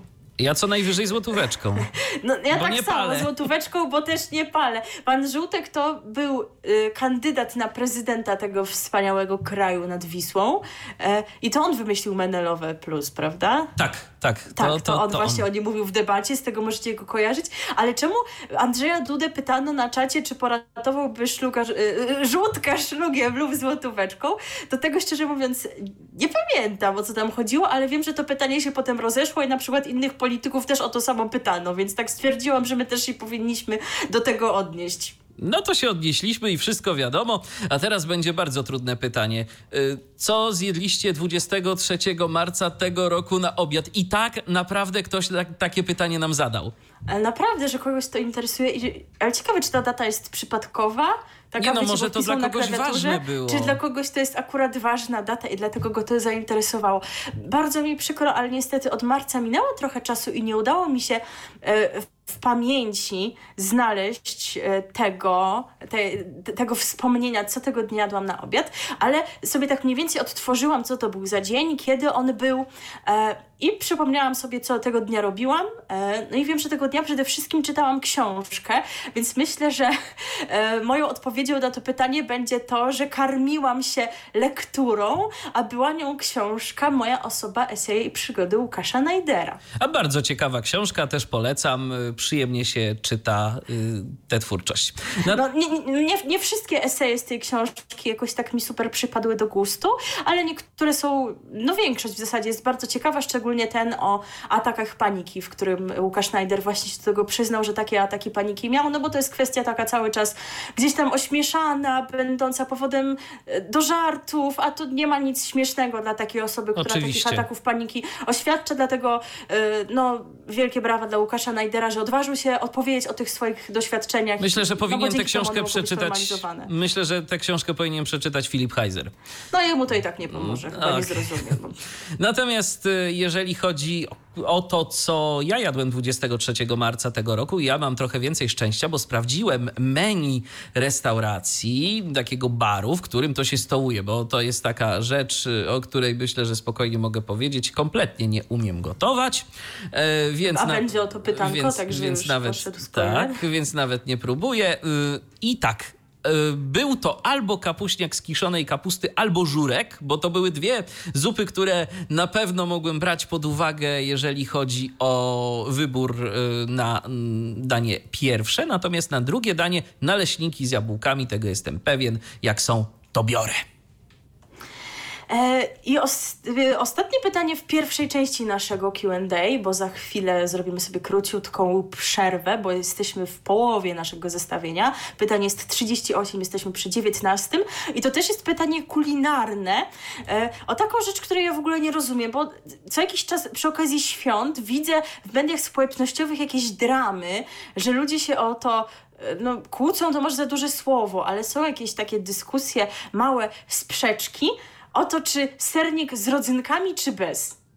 No, I jak, co ty uważasz? Ja nie mam zdania, bo zarówno z rodzynkami jest dobry, jak i bez jest dobry. No właśnie, dla, dla ludzi niektórych te rodzynki są problemem w serniku, a ja kompletnie nie odczytuję tego problemu. Nie, nie Sernik po prostu jest dobry. z nim. Sernik po prostu jest dobry, aczkolwiek e, w mojej diecie, na którą musiałam przejść jakiś czas temu, no to też myślę, że nie jest tajemnicą i nie ma co z tego tajemnicy robić, mam insulinooporność, która wymaga ode mnie pewnej zmiany nawyków żywieniowych no i są pewne produkty, których jeść mi nie wolno i rodzynki są nimi właśnie. Nie zaleca się ich przy insulinooporności. To też no, obecnie wybrałabym sernik bez tychże, no bo po prostu tak muszę, ale tak generalnie to w ogóle nie rozumiem problemu, o co chodzi z tymi rodzynkami. Ja też nie rozumiem problemu. No to z tym nierozumieniem was teraz zostawiamy na moment. Posłuchamy sobie piosenki. E, tak, ta piosenka jest tutaj w zasadzie nie wiadomo dlaczego, bo to jest taki dziwny program o wszystkim i o niczym. E, I ta piosenka też jest taka, no, jak wy nam pomożecie ustalić w ogóle o co tam chodzi, no to będzie fajnie, bo sama autorka, wykonawczyni, z tego co pamiętam, też jakoś chyba nie bardzo wie. E, a to jest utwór, którym możemy zareklamować to, co się dzieje na antenie Radia DHT regularnie, bo kiedy nie ma tutaj nas, nie ma innych audycji autorskich, e, to na pierwszym kanale emitowane jest stworzone przez nas muzyczne pasmo triple przeboje trzech pokoleń z muzyką przez nas dobraną z podznaku no właśnie tego dobrego popu, rocka również z różnych dekad, muzyką z Polski, muzyką z zagranicy. Niekoniecznie są tam utwory takie, w których nie wiadomo o co chodzi. W wielu wiadomo o co w chodzi. Tym akurat są to nie. utwory o, o miłości jak większość, a ten nie jest o miłości, o czym no trudno powiedzieć, ale może wy będziecie wiedzieli. Martyna Jakubowicz i Trutu Tutu. Specjalne Q&A z okazji setnego wydania programu RTV. Martyna Jakubowicz, trutu tutu za nami, a teraz będzie nasze trutu tutu y, na antenie. A ma, masz blaszkę? Bo ja nie mam blaszki. Czekaj! Masz blaszkę? Ma, czekaj, czekaj, Dasz czekaj. sobie w czaszkę? Czekaj. Po słuchawkach się postukałem blaszką. O, mam, mam blaszkę. Dobrze, słuchaj, to to jest jakiś, jakiś, frag, dla jakiś fragment, y, o, jakiś fragment chyba, nie wiem, obudowy komputera, wiesz, to tak z, z mojego warsztatu. Wspaniale. Już chciałam powiedzieć, że nie mamy blaszki, a mamy pytania, ale Michał mi zepsuł. No widzisz, no bo ja po prostu Wiesz, postanow- jednak okazało, że miał blaszkę. Ja postanowiłem przeprowadzić animację antenową na żywo. To się nie Wspaniale, zawsze bardzo to udaje, ale... doceniam. Jak ci, tak, jak ci tak super idzie, to możesz przeczytać kolejne pytanie. A proszę bardzo, jak zaczęła się twoja przygoda z radiem jako prezentera? E, Jak wspomniałam, radio DHT jest pierwszym radiem, w którym i ostatnim jak na razie, w którym mam okazję działać i audycja RTV była i jest moją pierwszą audycją. Prowadziłam tutaj jeszcze przez pewien czas drugi program, czyli Kapsel wnikliwie o piwie. E, No jak się zaczęła przy piwie właśnie, tak jakoś sobie gadaliśmy w gronie redakcyjnym i pojawił się pomysł na tę moją audycję Kapsel. Michał wcześniej chyba miał pomysł na audycję RTV, ale ja tak nie byłam do końca przekonana, ale stwierdziłam, dobra, skoro jest pomysł na Kapsel, no to może by tak pójść za ciosem i może by, byśmy prowadzili jeszcze to RTV, bo czemu właściwie nie? No i tak właśnie, no dzięki pomocy Michała jako osoby e, o większej zdecydowanie świadomości, jak to technicznie wszystko zrobić, no nadaje i Działamy. mówię do was. Tak, działamy i, i dobrze się mamy. Natomiast jeżeli chodzi o moją y, przygodę, jeżeli chodzi o prezentera, no cóż, y, tak jak wspomniałem, kiedyś tam dawno, dawno temu pojawiłem się w radiu, mając 6 lat, no ale to nie mogę jeszcze o sobie mówić, y, że byłem wtedy jakimkolwiek prezenterem, bo ja tam miałem, miałem taką krótką bytność na tej antenie. Y, Natomiast później w wieku 9 lat poprowadziłem już rzeczywiście, miałem okazję współprowadzić y, audycje i te audycje współprowadziłem, później prowadzi- prowadziłem sam przez y, kilka następnych lat. Y, To była audycja w nieistniejącym już radiu Iława, audycja dla dzieci z pytaniami różnego rodzaju typu, w którym em, tam roku była bitwa pod Grunwaldem i tego typu inne ciekawe rzeczy. E, Później e, była okazja mm, robić inne kwestie, natomiast no, to było moje takie pierwsze spotkanie z radiem jako prezentera. No i to trwa do dziś, ale to zobacz, ile jak ja mogę sobie powiedzieć, że ja jestem prezenterem z 25-letnim stażem. No bo ty zacząłeś... W wieku dziewięciu lat. działalność, Tak, ale zacząłeś działalność radiową e, w, o, e, w roku mojego urodzenia, czy rok, rok po moim urodzeniu? Mm, Wiesz co, to był 90, to był 95 tak, to był No, czyli w tym roku, w którym ja się urodziłam, on rozpoczął Nie, działalność cze, czekaj, czekaj, czekaj, to, to, nie mo, to nie mogło być w 95, nie, to było w 96. To A, było w, no, ale tak, tak to było w inaczej. 96, bo to jakoś w maju było, więc jeszcze wtedy, y, czy kwiecień, maj, to jeszcze wtedy miałem te 9, 9-10 lat. To, to tak mniej więcej wyglądało. No to ja miałam pół roku, a, a on już. A ja on już, już. a ja już. Gdyby mnie, wtedy, gdyby mnie wtedy dopuścić do mikrofonu, to nic by z tego mądrego nie było. E, e, kolejne pytanie, znowu poważny wybór, poważny dylemat. Beatlesi czy Stonsi? I tu będę zgodny y, z tobą, podejrzewam, ale to zaraz y, się okaże. Y, Beatlesi. Beatlesi, aczkolwiek też nie mam nic do Stonesów, natomiast chyba jednak Beatlesi. No, u mnie Beatlesi bardzo na tak, Stonesów jakoś nigdy po prostu nie czułam. Szanuję oczywiście, doceniam rolę, natomiast, natomiast Beatlesi zawsze, znaczy zawsze, od długiego czasu byli mi bliżsi. Mój tata słuchał Beatlesów, potem dzięki Trójce, dzięki audycjom Piotra Meca, który przybliżał tę muzykę, no to ona stała się dla mnie jakoś tam e, ważna. No w końcu to no, szalenie ważny zespół dla tej e, współczesnej muzyki rozrywkowej. Je- Jego, jego rola tutaj jest ogromna dla jej rozwoju. Tak jest. E, Teraz będzie. Mm, teraz będzie pytanie, które ty myślę, tak? Te, teraz, teraz ty zadajesz. Pytanie, czy. Nie, nie, bo ja a, ja, dobra, teraz okej, pytanie. okej, dobra. To teraz ja. E, A to jest ciekawe pytanie, ale odpowiedź będzie, no cóż, też ciekawa. Czy można wprowadzić do audycji nowości typu tematyczne dowcipy oraz tematyczne anegdoty? E, Ja nie mam jakichś kabaretowych zdolności i nie umiem wymyślać dowcipów na zawołanie. E, Staramy się przywoływać anegdoty takie, które gdzieś tam pamiętamy, znamy przy okazji jakichś tematów, więc jeżeli tego jest jakoś za mało, no to to dajcie znać, ale znów no, chcemy być naturalni, mówić o tych rzeczach, o których my pamiętamy, a jeżeli wy macie pomysł na jakieś ciekawe anegdoty związane z mediami, no bo myślę, że o to tutaj chodzi, no, no to przysyłajcie do nas. Oczywiście no bo czemu- będziemy, będziemy czytać, będziemy się być może jakoś do tego odnosić, natomiast no, to nie ma być audycja też gdzieś tam kabaretowa, ewentualnie audycja z poczuciem humoru, którego nam myślę, że jednak nie brakuje E, i ten element takiego mrugnięcia okiem e, staramy się również w tej audycji przemycać, natomiast no, żartów, typowo żartów i opowiadania dowcipów na antenie, no tu nie będzie, bo to nie jest program e, o opowiadaniu dowcipów, to nie jest e, maraton uśmiechu na przykład, o, żeby tak spiąć to taką tematyczną, medialną klamrą. E, Kolejne pytanie. Jakie są wasze zainteresowania? M- Ja mam taki na Facebooku wpisany taki, taki tekst. Radio, komputery i tak to się kręci. No bo rzeczywiście, moje zainteresowania to są przede wszystkim zainteresowania dotyczące mediów yy, i informatyki. To są rzeczy, które mnie interesują, którym yy, poświęcam rzeczywiście dużo czasu.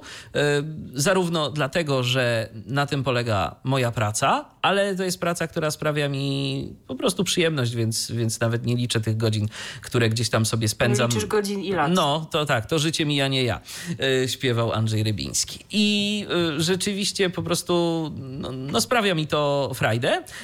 Z takich jeszcze innych zainteresowań, no to jakieś na pewno tematy bieżące, na ile się da, tematy polityczne, bo jeżeli nie zainteresujesz się polityką, to polityka prędzej czy później zainteresuje się tobą. Tak uważam. I warto być świadomym tego, co się wokół nas dzieje. No tak poza tym to dobra książka. E, Zainspirowałeś mnie, bo no ja też mam taki swój opis, tylko że w innym miejscu, w serwisie Megafon, e, w którym e, znajduje się kilka moich artykułów dotyczących osób z niepełnosprawnościami. Niewykluczone, że coś jeszcze napiszę, jak znajdę pomysł, inspirację i, i będę miała jakiś taki w głowie porządny zarys tego, co rzeczywiście chciałabym opowiedzieć. Natomiast tam się znajduje taki mój biogram. No jest tam napisane, że jestem absolwentką tych i tych studiów, to już wiecie. E, No a później e, napisałam o sobie, że jestem miłośniczką muzyki dawnej, to już też wiecie, radiofonii, piw rzemieślniczych i serialu Klan z sercem po lewej stronie. I to myślę, że jest moja dobra charakterystyka. O serialach tu jeszcze będzie pytanie. Tak, jestem miłośniczką piw rzemieślniczych, natomiast obecnie e, z uwagi na wspomnianą insulinooporność nie, nie wolno mi pić alkoholu, nie powinnam w ogóle zażywać jakichkolwiek używek, a piwa to już w ogóle. E, radiofonia i media rzeczywiście tak, tak jak już wspomnieliśmy, to nie jest tak, że my to robimy, bo się do tego przymuszamy. My rzeczywiście interesujemy się tymi mediami, a przy okazji Wam o tym opowiadamy. E, no i serce po lewej stronie, no to już nieraz to ujawniałam, ale tak również polityka to jest coś, czym się jakoś tam interesuje i co śledzę. E, książki również e, lubię, o czym tu już było wspomniane. Kiedy byłam młodsza, byłam w podstawówce, interesowałam się też historią, nawet uczestniczyłam w jakichś tam olimpiadach historycznych, ale później nie miałam już czasu na rozwijanie tej pasji, bo e, szkoła muzyczna pochłonęła jednak znaczną większość mojego wolnego czasu. I, tak naprawdę, jak mnie ludzie pytali o zainteresowania, to odpowiadałam, no w sumie muzyka, bo nie mam czasu na nic więcej, więc ta historia gdzieś tam odeszła i jakoś tak się złożyło, że już potem nie wróciłam do rozwijania tej pasji, no ale teraz już po skończonych studiach też mam właśnie czas na rozwijanie innych zainteresowań, czyli właśnie na e, czytanie książek, czy ogarnianie tego, co się dzieje w polityce. No tak, więc y, tu mamy, y, myślę, że wyczerpująco y, odpowiedziane na te pytania. A teraz będzie dobre. A teraz będzie dobre, bo to jest pytanie, jaki miałeś głos w dzieciństwie? I wy myślicie, że my wam tam będziemy opowiadać, że no miałem albo miałam wysoki głos, coś tam takiego? Nie. Tu będą te słynne taśmy prawdy. Od kogo zaczniemy? Od ciebie, ladies first. Ode mnie? No dobrze. Jest rok 2000, może 1999, trudno to dziś ustalić. E, I wtedy powstało to nagranie króciutkie, które za chwilę usłyszycie, e, bo ja od chyba piątego miesiąca życia byłam nagrywana przez moją mamę. Do siódmego roku życia, do pójścia do szkoły, potem już jakoś tak, no nie miałyśmy czasu na to. No oczywiście mam jakieś tam późniejsze swoje nagrania też, ale to już nie było takie e, regularne. No i nagrywałam, wiecie, jakieś wierszyki, piosenki, to wszystko na kasetach, rzecz jasna. Ale też no, był taki moment, że się zafascynowałam reklamami. E, no i tutaj właśnie będzie na to dowód. Posłuchajcie mojego głosu oraz tego, jakim skupiskiem wad wymowy wówczas byłam. Gdyby tak małe, to nie to. Zobaczymy. No i co? To tylko biały jogurt. To nie ma żadnych owoców. Chwileczkę. No w jogurt Damian Fantazja. Nie uwierzysz, że to jogurt. Tak było. tak było, było. jogurt. Jogurt. Na, na, naprawdę. I tam wiecie, są, really? inne, są tam inne reklamy typu co knor, to knor i winiary, dobre pomysły, dobry smak. Ale żebyś się nie... A, a, a, ale, co, ale co to był ten biały jogurt? Bio, biał nie, jogurt? biały to tylko biały jogurt, w, biały. w sensie, że bez owoców. A ja myślałam, że, że bio jogurt. Nie to, no, wtedy to jeszcze były takie, wiesz, czasy, że myślę, że się a mało czemu ja na biały jogurt bio? mówiłam bio jogurt? Bo może chciałaś zaśpiewać białe jerozy. Ale jakim ja naprawdę byłam skupiskiem wad wymowy, tak, te problemy z R, jeszcze problemy z, chyba z głoską tutaj czy te, te, też tam coś, coś, coś nie tak do końca było z, z, tym dzieckiem, ale ty też tutaj nie byłeś taki nie, czysty pod tym kątem. Oczywiście, że nie, proszę Państwa. Teraz będzie taśma prawdy numer dwa. I teraz posłuchacie sobie, jak ja w roku 1992, to jest moje pierwsze radiowe wystąpienie. Rok 92, marzec, końcówka marca. Idziemy sobie z przedszkolem, z grupą całą przedszkolną do lokalnego radia, które powstawało wtedy w osiedlowym Domu Kultury. Późniejszy mm, dyrektor tej placówki założył rzeczywiście Radio Iławskie, pan Jerzy Kalisz. E, no, ale to na razie działało jeszcze w ramach tego Domu Kultury. Nadawało tam program między godziną 6 a 12. Taki mieli rozmach. No i na 1 kwietnia postanowili sobie, że po prostu zrobią taki program, w którym sporo będzie dzieci. Dzieci miały coś mówić, miały mówić mm, jakieś na przykład wierszyki, czytać zmyśloną prognozę pogody, no tak wiadomo, heheszki, bo prima aprilis.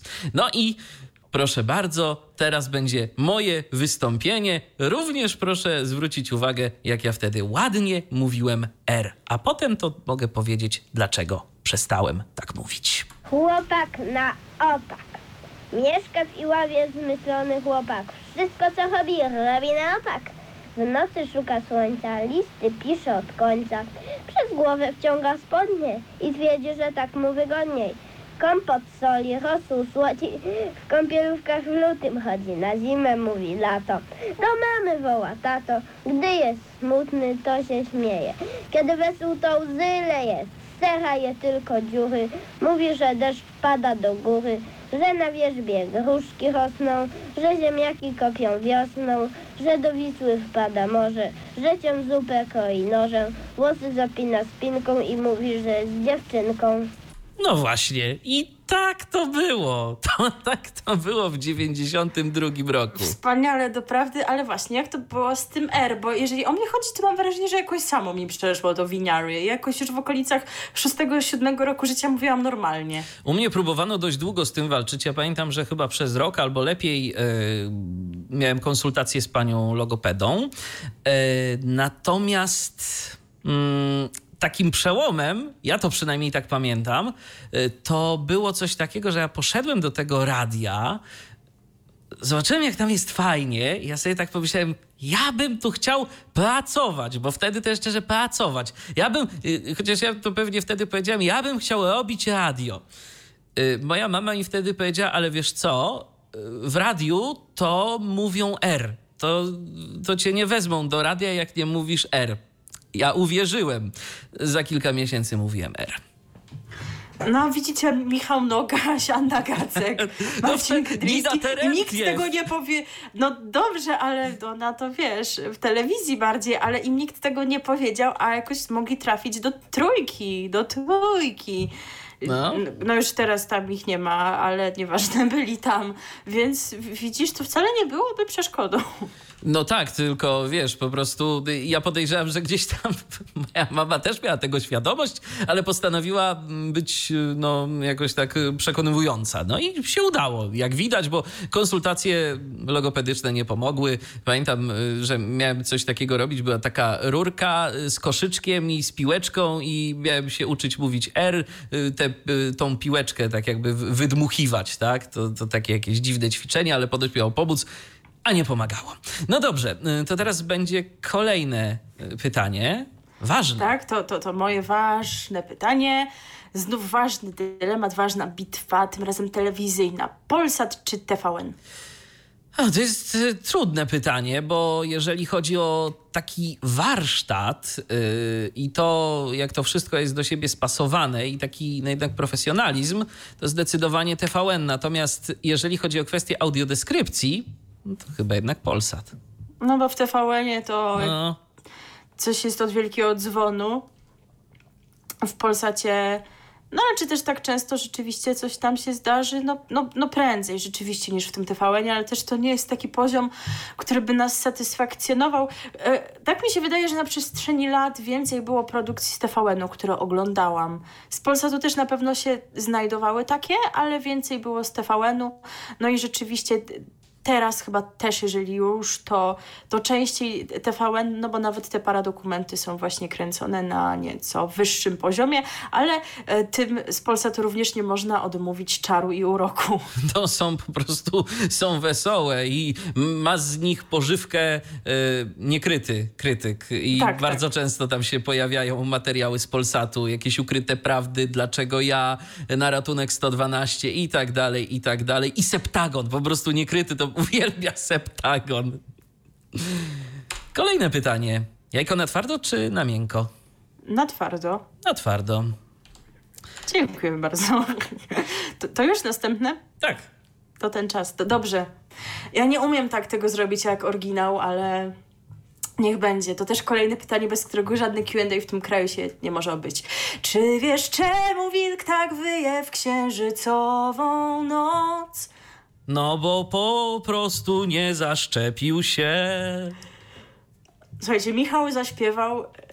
I Jeżeli to radio wam jeszcze działa, no to to jest jakiś sukces, bo myślę, że teraz mam jakiś odpływ słuchaczy potencjalny, ale właśnie myślę, że my nie jesteśmy dobrymi osobami, żeby do nich to pytanie kierować, bo pani Edyta Górniak, która wykonywała ten utwór po polsku, e, jest teraz taka, wiecie, zbliżona do natury. Ona właśnie mówi o tej naturze, o ziemi i tak dalej. Tej ziemi.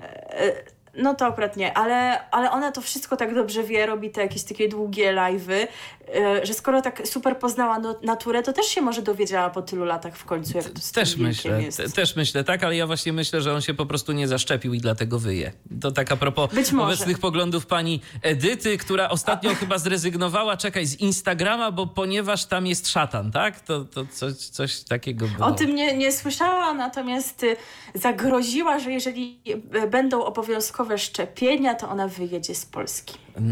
No to cóż. Mm, Dobrze, to, to może przejdziemy dalej. RMF czy Z?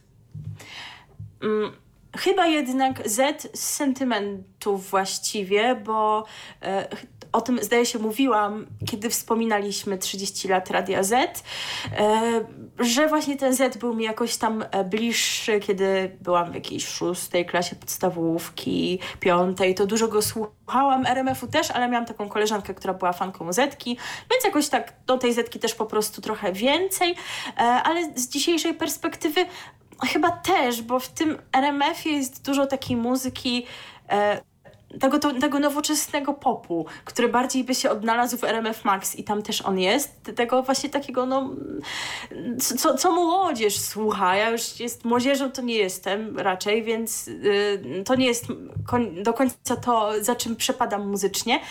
A w tej zetce, no też nie słucham jej jakoś często, ale już więcej ewentualnie jest takich piosenek milszych dla ucha chyba.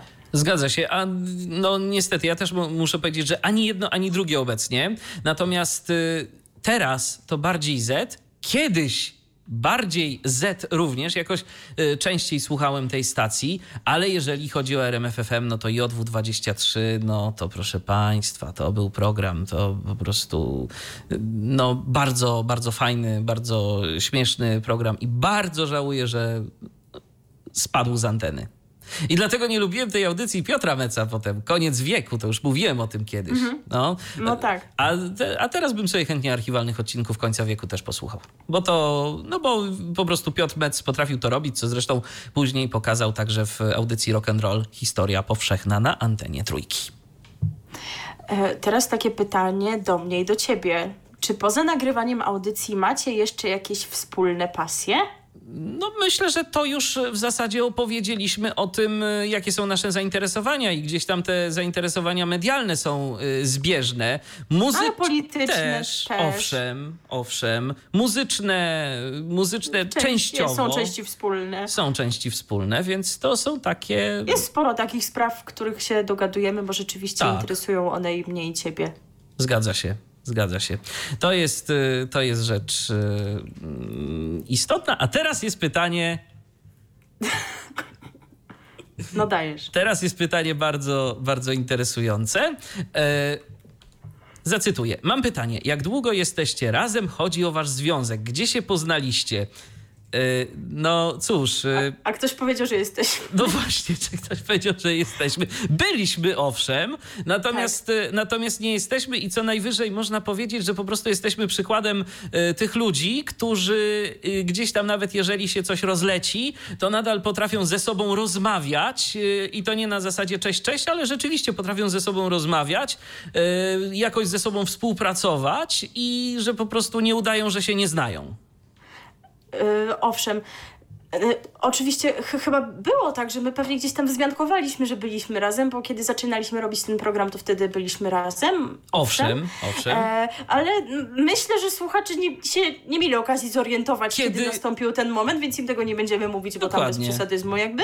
E, no, e, ale że nie daliśmy tego po sobie poznać, kiedy to się zdarzyło, bo rzeczywiście się e, umiemy mi- mimo tego dogadać, natomiast chyba możemy odpowiedzieć na to pytanie, jak się poznaliśmy. No i to zależy o co pytacie. Czy pytacie o poznanie się w online, czy pytacie o poznanie się w realu? E, No jeżeli chodzi o poznanie się w online, to, to chyba było w ha, sierpniu 2013 roku. Tak, na serwisie Tyflonet. Tak, E, na TeamTalku. Na serwerze Tyflonet na TeamTalku.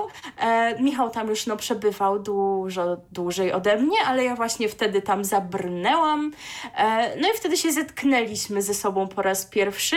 Natomiast spotkaliśmy się pierwszy raz. E, w lipcu roku 2015 e, na weselu naszych znajomych, e, których na pewno kojarzycie z Tyflo Podcastu, Doroty i Tomka Bileckich. Pozdrawiamy. E, pozdrawiamy serdecznie.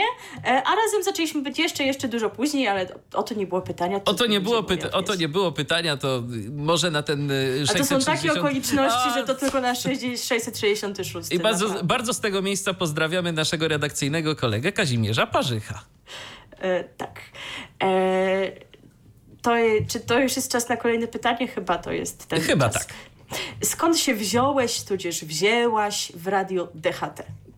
Jakby to powiedzieć, to założyłem je wspólnie z, wspólnie z Kaskiem, bo mieliśmy taki pomysł, że może by zrobić jakieś radio y, internetowe, no i tak akurat y, tak nam po prostu wyszło, więc y, no ja jestem współzałożycielem tegoż.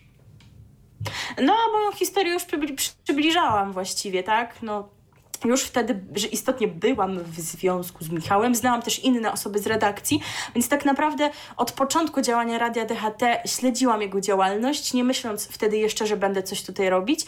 No bo też powiedzmy sobie wprost, muzyka Eurodance, która tutaj była od początku, to nie jest mój ulubiony gatunek muzyczny, łagodnie rzecz ujmując. Ty wolisz chędza, wiem. tak, trens może jeszcze. No, trens to na pewno. Z pewnością. E, no tak jak już wspominałam, Michał tam mnie namawiał na to RTV, ja także nie, że nie. Ale, ale wiecie, alkohol rozwiązuje języki i myśli również i stwierdziłam, że czemu by nie spróbować. No tak, a potem to już po prostu za dużo świadków było, że, że się zgodziłaś robić ten program.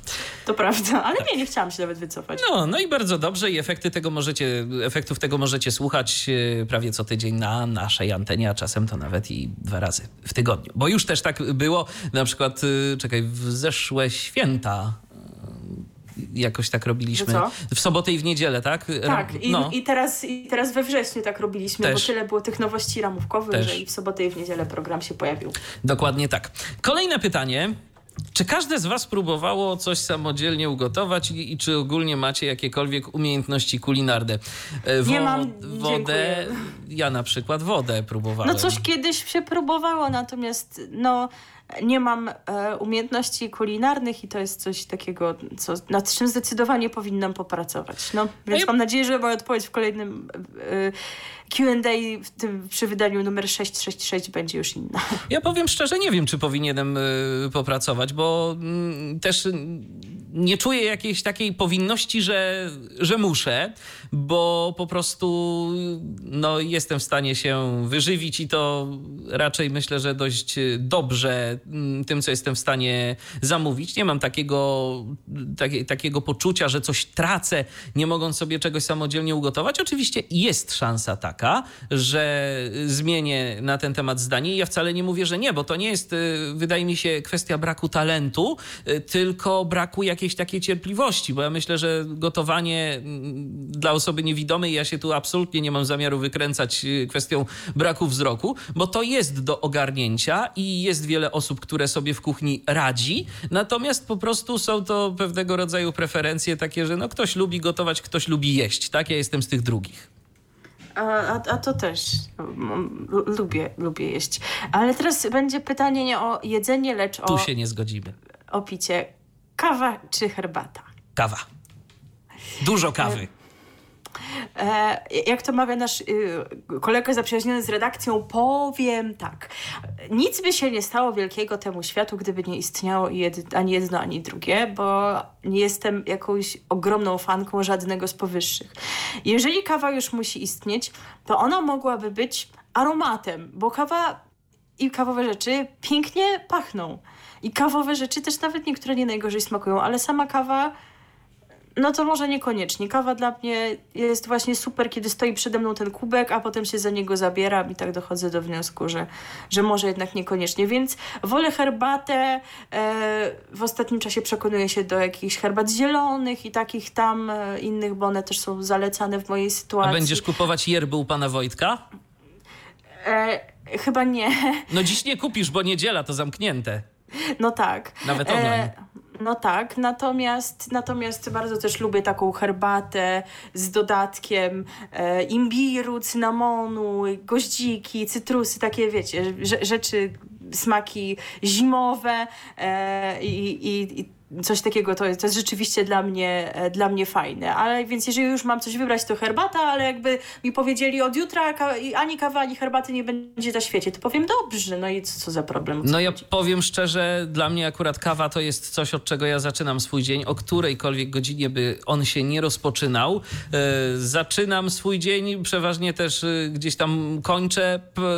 bardzo często w okolicach tego końca dnia też sobie jeszcze wypiję kawę i w międzyczasie. Dla mnie mnie kawa może być po prostu zwyczajnie gorzka, bez cukru, bez mleka. Zwykła, czarna kawa. To jest to, co ja bardzo lubię, mm, czego piję całkiem sporo, może powinienem mniej, e, no ale cóż, e, to jest chyba jedna rzecz, jedna jedyna rzecz, która jest moim takim naprawdę jakimś, e, powiedzmy, uzależnieniem wręcz, bo muszę powiedzieć, że jak ja sobie kawy nie wypiję, to ja się gorzej czuję, tak po prostu ch chyba nie ma takiej rzeczy, od której byłabym tak uzależniona i, i to dobrze będę trwać w tym stanie. E, kolejne pytanie? Kolejne pytanie, proszę bardzo, to teraz dla mnie. I jakie są wasze ulubione dania? Ja czytam, ty odpowiadasz. Ja, ja od, dziś pytanie, dziś odpowiedź. E, lubię makaron, lubię makarony wszelkie z czymkolwiek, ale chyba tak najbardziej to makaron w towarzystwie łososia, ale zwyczajne spaghetti też jak najbardziej jest spoko. Rzecz, której mogę zjeść naprawdę duże ilości i niespecjalnie liczę, ile tego jest, to są krokiety z kapustą i grzybami. Niedobre. Dobre, nie znasz nie. się. Dobre. To jest bardzo, bardzo dobre. Ja to bardzo, ale to bardzo lubię. A, i frytki takiej domowej roboty też są pyszne. E, nie no, na pewno jest też wiele innych, innych rzeczy, które lubię jeść. Lubię, lubię bardzo słodkie, no, no co bądź tak naprawdę. E, też, też niestety teraz nie wszystko mi wolno, więc pozwólcie, że nie będę o tych rzeczach mówiła, bo jeszcze sobie narobię smaka i potem będę cierpieć, że, że nie mogę nic z tego spożyć. E, ale a, a, a, są jakieś takie rzeczy, których nie lubisz tak, tak bardzo? Na przykład y, brokuły. o Jezu, tak, brokuły i kalafior. Kalafior też, kalafior też nie. Zupa jarzynowa to jest coś, czego też y, nie lubię. Nie lubię wątróbki, a kiedyś lubiłem w dzieciństwie ponoć takie krążą y, słuchy. Mm, tak mi rodzice opowiadają. Ja coś rzeczywiście pamiętam, że kiedyś lubiłem, teraz zdecydowanie mam inne podejście. E, pytanie kolejne, chyba ja je odczytuję i bardzo się cieszę z tego, bo to jest pytanie też o bardzo ważny życiowy dylemat. Jedzonko czy spanko? No najpierw jedzonko, potem spanko, bo spanko na głodnego to nie jest dobre spanko.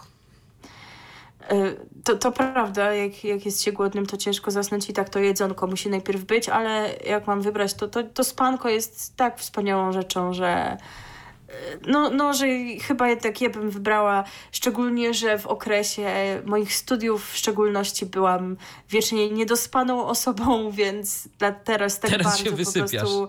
Tak, i teraz tak bardzo to spanko doceniam. Okej, okay, no to będzie kolejne pytanie. Ulubione seriale emitowane kiedyś i dziś? E, to nie jest prosta sprawa, bo oczywiście seriali jest e, mnóstwo. Jestem wychowana na wojnie domowej, skoro już jesteśmy przy tym, co kiedyś. Absolutnie tak. Na 40-latku też, ale wojna domowa to jest coś, co mi bardziej w głowie siedzi. E, kiedyś uwielbiałam M jak miłość, w tym czasie, kiedy ono było tak bardzo na topie, tam te lata 2005 rok, coś takiego, no to, to wtedy w szczególności, a potem jakoś tak odpadłam. Chyba nie od razu po tym, jak Hanka w te kartony wpadła, ale jakoś to już mniej więcej był ten czas, kiedy, kiedy już nie miałam tego kiedy oglądać i, i w ogóle jakoś już nam się nie układały drogi z tym, z tym serialem. Jak tak wspominam, co do komercyjnych stacji, mówiłam o TVN-ie. Na pewno no, byłoby sporo seriali, które mi się podobały, które mogłabym wspomnieć, ale takim serialem, który naprawdę był, był spoko, e, był Przepis na życie uważam, że to bardzo fajny komediowy serial i jeżeli już TVN miałby do czegoś wracać, bo teraz takie są modne, oni chętnie e, kontynuują jakieś produkcje sprzed lat, to czemu właśnie nie ona, choć z drugiej strony może lepiej zostawić to zamknięte tak jak było, bo taka, taka kontynuacja może, e, może coś jeszcze popsuć. A z emitowanych teraz, wydaje mi się, że na ten moment nie mam takiego serialu, Y, z tych jakichś nowych, na przykład w TVN-ie, który jakoś by mi się bardzo podobał. W poprzednim jeszcze sezonie na Polsacie był serial Zawsze Warto i on był całkiem okej. Okay. No ale my już o tym mówiliśmy tutaj wielokrotnie. Klan. No, Klan. Myślę, tak. że, że nie ma dyskusji. Ja ten Klan to kiedyś tak oglądałam, tak bardziej od przypadku do przypadku. Był czas, że oglądałam, potem nie miałam czasu, potem znowu tak, ale nie, nie jakoś tak regularnie jak na przykład M jak Miłość, a kilka lat temu właśnie za sprawą Michała się dowiedziałam, że istnieje taka społeczność jak Beka z Klanu. E, zaczęłam się wgryzać w to wszystko i oglądać Klan na bieżąco e, i bardzo mi odpowiada to poczucie humoru Bekowiczów, śmiania się z tego, co się dzieje w tym serialu, no bo wiecie, on już nie jest wysokich lotów, on jest tak robiony trochę po taniości, e, no i dzięki temu można się pośmiać z niego, bo e, z realistycznym oddaniem rzeczywistości to już ma niewiele wspólnego. No, można by powiedzieć, że ej, który serial ma, zawsze coś jest przerysowane, ale tutaj to już czasami naprawdę to są takie głupotki, które po prostu można obśmiać i ja chętnie je obśmiewam. No i jak już też wielokrotnie mówiliśmy, wracam do tych pierwszych odcinków, które emituje TVP Seriale. Znajdziecie je też na YouTubie, bo fani wrzucają trochę tam nielegalnie, ale, ale są, także trzeba oglądać, póki TVP ich nie, nie usuwa.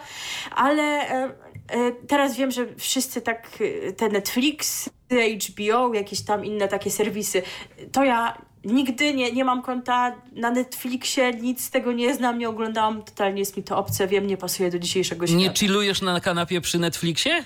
No nie. Ja też nie jakoś. Ja przeklanie. Przeklanie, tak. Bo to jest rzeczywiście takie 20 minut e, na e, odsapnięcie, mm, obejrzenie sobie tego jednego odcinka, e, który mm, jest, który ma swoją premierę w telewizji, to naprawdę takie 20 minut, gdzieś tam można sobie kawkę wypić, jak ktoś lubi, bo nie wszyscy lubią. Dziwne. Ale okej. Okay. I, no i po prostu jest to, jest to przyjemne. To jest tak naprawdę obecnie w zasadzie jeden, jedyny serial, serial, y, który oglądam. Y, coś tam jeszcze, powiedzmy, no, czasem rzucę okiem na ukrytą prawdę, czasem rzucę okiem po prostu na jakieś odcinki seriali, które y, mamy zamiar omawiać, żeby chociaż w ogóle mieć jakiekolwiek pojęcie o tym, co no, się tak, dzieje. To, to, tak, bo to, to się zawsze bo to trzeba. Natomiast, albo zazwyczaj. Natomiast jeżeli chodzi o stare seriale, no to tak. Alf. Alf bardzo, bardzo lubię ten serial. Przyjaciele, ale z polskim dubbingiem. Star Trek Voyager, ale z polskim dubbingiem. No po prostu te dwie y, produkcje zrealizowane przez Kanal Plus to, to naprawdę to są rzeczy, które, które mam bardzo z nimi fajne wspomnienia. Y, jeżeli chodzi o dzieciństwo, bardzo mi się to wtedy podobało i żałuję, że mm, przyja przyjaciół z polskim dubbingiem nigdzie nie można znaleźć, bo Star Treka kiedyś gdzieś tam w otchłaniach internetu mi się udało zlokalizować. Y, kolejne seriale, jakie pamiętam i to muszę powiedzieć, że miałem taki, takie coś w dzieciństwie, yy, że dla mnie fajne było, jak yy, w serialu był albo gadający komputer, albo jak było radio. No więc Radio Romans, to na pewno z takich rzeczy radiowych, z seriali te, no szczególnie młodzieżowo-dziecięce, tak, czyli słynny serial Wow, 13-odcinkowy bodajże, to, to, to super było. Yy, taka polsko-niemiecka produkcja. Yy, Tajna misja, też tam był mówiący komputer, któremu głos podkładał Tomasz Stockinger, co ciekawe. Proszę. No. Takie historie pamiętam. Y, I czy coś jeszcze? No Klan oczywiście tak. No i w labiryncie. W labiryncie. W labiryncie. To przyznam, że dzięki Michałowi miałam okazję obejrzeć w labiryncie, no bo jestem za młoda, żeby to pamiętać z czasów, kiedy to leciało. Powtórki gdzieś tam są czasami, ale no nie miałam się okazji na nie natknąć i rzeczywiście w labiryncie to jest był dobry serial. A czy, czy wymieniłeś z tych współczesnych Lombard Życie pod zastaw? A właśnie, no, No tak. właśnie, jakoś, jakoś, ostatnio, jakoś ostatnio y, zaniedbałem, ale rzeczywiście Lombard Życie pod zastaw jest fajny. Taki też serial, który jak zaczniesz oglądać od środka, to się i tak zorientujesz o co chodzi. Jak zaczniesz oglądać od początku, to lepiej, ale można tak naprawdę przystąpić do oglądania tego serialu w każdym momencie. E, Kolejne pytanie. To Kolejne ja mam je chyba pytanie, zadać. tak. E, Znowu będzie o jedzonku. Jakie są wasze ulubione owoce i warzywa? E, Z warzyw to powiem szczerze, mm, nie wiem co, co, tak, co tak do końca z warzyw. Z owoców na pewno brzoskwinie, arbuzy, winogrona. No nie, arbuzy nie są fajne. Dobre są.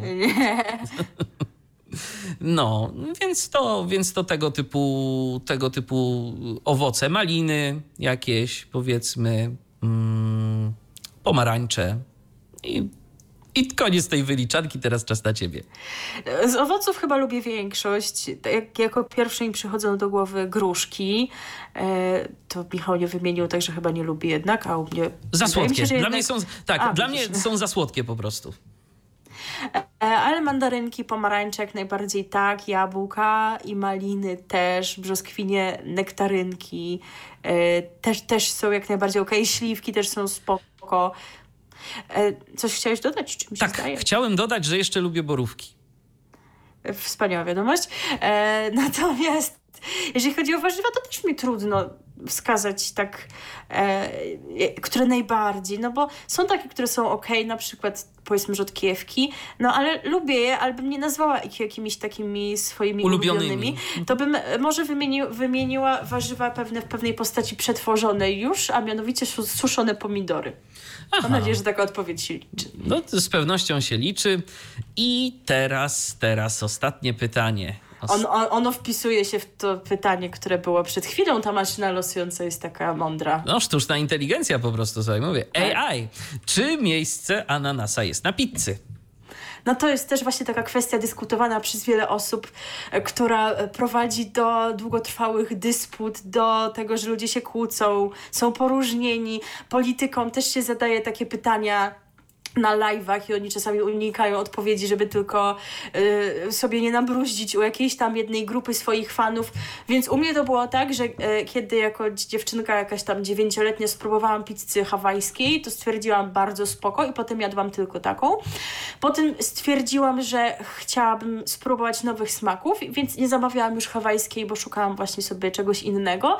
E, no i teraz też mam chyba smaki, które wolę, natomiast od czasu do czasu, jak jest jakaś impreza, to Michał potwierdzi, jakiś sylwester czy coś, to też pojadę wtedy na grubo i wtedy jest pizza z ananasem. Więc tak, miejsce ananasa jest na pizzy. Boję się, że zaraz ta połowa ludzi, ludzkości, która uważa, że jednak nie jest, wyłączy ten program, ale no w sumie już niewiele go To zostało. już kończymy, to, to może, ale zostańcie z nami, bo jeszcze za kilka do kilkunastu minut będzie tu coś nowego na naszej antenie. Co prawda miało być godzinę temu. Sorry, Łukasz. Yy, tak to się przeciągnęło, Mm, no ale mamy, mamy nadzieję, że nam wybaczysz, bo z, yy, odcinek 100 i 3 czwarte nie zdarza się yy, wiele razy, tylko raz. Natomiast co do mnie, ja absolutnie nie mam nic przeciwko ananasowi na pizzy, natomiast żeby to było mm, jakiś mój wyznacznik tego kunsztu kulinarnego i tego, czym ja się lubię zajadać, no to absolutnie nie. Z rzeczy takich, jeżeli chodzi o pizzę, to lubię te ostrzejsze y, smaki, gdzieś tam powiedzmy z y, papryczką chili, mm, czy podobnymi kwestiami też może nie jakoś bardzo, no bo chodzi o to, żeby zjeść, a nie żeby się męczyć. Natomiast y, albo jeżeli na przykład, a to kiedyś musiałbym spróbować, na przykład pizzę z ananasem i z chili. Albo z jalapeno. No cie, To- to ciekawe, że ciekawe, tak. taki, Słodko-ostry. tak sobie dobrać na, Mhm. na, na życzenie. Tak. Ale to widzisz, z, na, z nas to chyba jednak wcale nie lewactwo, tylko centryści, symetryści, dlatego że właśnie ludzie się dzielą na tych, którzy absolutnie nie, nie, nie, to w ogóle trzeba zdelegalizować pizzę hawajską i którzy uważają, że to jest największy kunszt sztuki kulinarnej, a my uważamy, że spoko, ale też no, że są powiedzmy jakieś tam lep, lepsze rzeczy. Także wiesz, no- nie wpisujemy się w ten podział, nie damy się podzielić. No bo nie w, każdym, nie w każdej kwestii się da, też y, zresztą i w programie RTV my również, y, jeżeli na na przykład TVP wyprodukuje coś y, fajnego, coś ciekawego, no to też pochwalimy TVP, pochwalimy prezesa Jacka y, za Zawsze, to. Tak, no, to- Moja miłość do prezesa Jacka jest, myślę, że tu znana ale wiesz, już. że on od niedawna ma żonę. Wiem, no ale już raz przecież miał ten rozwód No to kościelny, tak, to jaki to- to tam okej, problem. to- A po, po co on emituje tę te, koronkę teraz? Nie dość, że codziennie w TVP3, to jeszcze w weekendy w TVP1, żeby tam mieć, wiesz, No, utorowaną drogę, gdyby coś Gdyby tam znowu był w przyszłości jakiś problem. Także myślę, iż sprawa jest otwarta jeszcze. Okej, więc, więc to prawda, jeżeli prezes Jacek nas słucha, no to, to, to, to, to może y, zainteresuje się twoją ofertą. Natomiast y, jeżeli chodzi w ogóle o y, kwestie mm, takie, o których, o których tu wspomniałem, no to jeżeli TVP wyprodukuje coś fajnego, to wspomnimy o tym i, i pochwalimy. Jeżeli TVN coś fajnego zrobi, też. Jeżeli Polsat również. Nawet jeżeli Telewizja Republika coś by fajnego zrobiła, to powiemy, że, że, że tak, że fajnie. No pewnie. Bo czemu no, w sumie nie? to nie, nie oglądamy, więc tak trudno nam zweryfikować, ale jak tylko do nas dotrze, że jest jakiś super program. W telewizji E, Republika, na Republika, przykład. Albo w albo w Polsce. Polsce. No, tam pani Albo w Jakubowska dalej Wnet. pracuje na przykład. A ksią- książkę to tak a propos, to czytaliśmy oboje książkę pani Aleksandry. No ale, ale to były inne czasy, trochę Tak. jej poglądów też. A ty wiesz, że nasz ulubiony e, artysta Ryszard Makowski wydał płytę pod tytułem chyba Marsz, Marsz Niepodległa. No co tak. ty? To trzeba kupić. No, widzisz, Trzeba widzicie, wspierać dopiero przekazałam Trzeba wspierać polskich wiadomość. artystów, wspierać pana Rycha y, i może coś wrzucimy nawet z tej płyty do naszej muzycznej oferty, jeżeli, jeżeli się nada, bo pan Makowski y, na naszej antenie jest. Czemu nie? Albo coś zagramy w RTV, jeżeli Tak. będzie pa- pasowało do jakiegoś tematu, Hejt ho, który będziemy poruszać. Tak. Jest godzina 22. Przesiedzieliśmy tu z wami dokładnie dwie godziny. No taki timing po prostu, a nie planowaliśmy. Yy, Po prostu zebraliśmy te wszystkie pytania, które chcieliśmy zadać sobie i które wy nam zadaliście. Dziękujemy bardzo za te wszystkie pytania. Dziękujemy i mamy nadzieję, że nasze odpowiedzi Was usatysfakcjonowały. No, nie macie tak naprawdę innego wyboru, bo kolejne No. QA to będzie tam kiedyś, kiedyś. I na to QA to trzeba będzie sobie rzeczywiście poczekać. E, Natomiast jeżeli chodzi o RTV, no to co, za dwa tygodnie się usłyszymy w sobotę po godzinie 16. Myślę, że do tego czasu. Ale tego nie wiesz, może za trzy, A może za nic nie trzy. będzie działo w mediach. Tak. To co pewne, to że się nie usłyszymy za Tak, tydzień, nie usłyszymy się za tydzień. możliwości, Natomiast a za dwa co do grudnia to wypatrujcie. Trzy. Tak, a może i będzie więcej wtedy tych audycji, no bo jeżeli będziemy mówili e, dużo, mm, jeżeli będziemy mieli dużo do powiedzenia, no to rozłożymy to na kilka programów, żeby was też nie męczyć. Tak swoją drogą, nie wiem, czy e, ty masz tak, ale ja na przykład e, no, odczuwam jednak mimo wszystko pewne zmęczenie po tych dwóch albo trzech godzinach siedzenia przy mikrofonie i za konsoletą e, w trakcie robienia naszego programu. Ja lubię to robić, ale to jest jednak takie trochę męczące, tak gadać do tego sitka.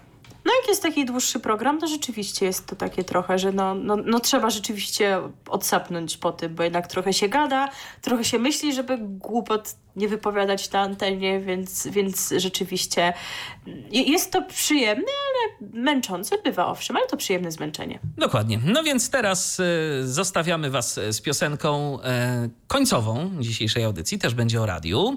E, to była piosenka, którą też zagraliśmy w pierwszym wydaniu programu RTV. Popraw mnie, jeżeli się mylę.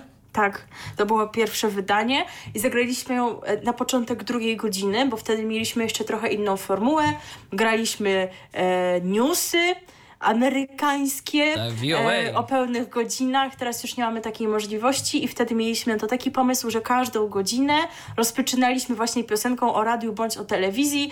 No w pierwszym wydaniu były dwie piosenki o radiu, no jakoś tak nam się to po prostu ułożyło. Dopiero potem postanowiliśmy w miarę możliwości przeplatać telewizję z radiem, e, więc teraz właśnie wrócimy do tego utworu, który zabrzmiał 9 września 2017 roku po godzinie 17. O. Powiem szczerze, niewiele jest piosenek e, zagranicznych, zwłaszcza, w których tekst się jakoś wsłuchuje. Jak usłyszałem tę piosenkę, no już z dobre 7 lat temu, po raz pierwszy na antenie Radia Caroline, to tak. e, To przykuła moją uwagę. Powiem tyle. Y, To będzie Harry Chapin, ym, artysta do wielu, wielu przebojów, myślę, że doskonale znanych. A my posłuchamy sobie takiej nieco mniej znanej piosenki, która jednak na antenie e, Radia DHT, na antenie głównego kanału się pojawia. WOLD. To jest piosenka o prezenterze radiowym, który to mm, swojej tam byłej, byłej, dawnej e, towarzyszce życia opowiada o tym, co u niego, jak mu tam jest, y, wspomina jakieś różne historie z ich y, życia i tak, y, i tak sobie po prostu rozmawia. I to jest piosenka, którą pan Chapin pisał, no, inspirowany pewną jakąś taką rozmową właśnie, którą zaobserwował w jednej ze stacji radiowych, w której gościł i właśnie jeden z prezenterów w trakcie jakiejś piosenki miał, miał taką rozmowę i pan Harry postanowił sobie, że napisze o tym utwór. Tyle na dziś. Zostawiamy was z muzyką i z audycją.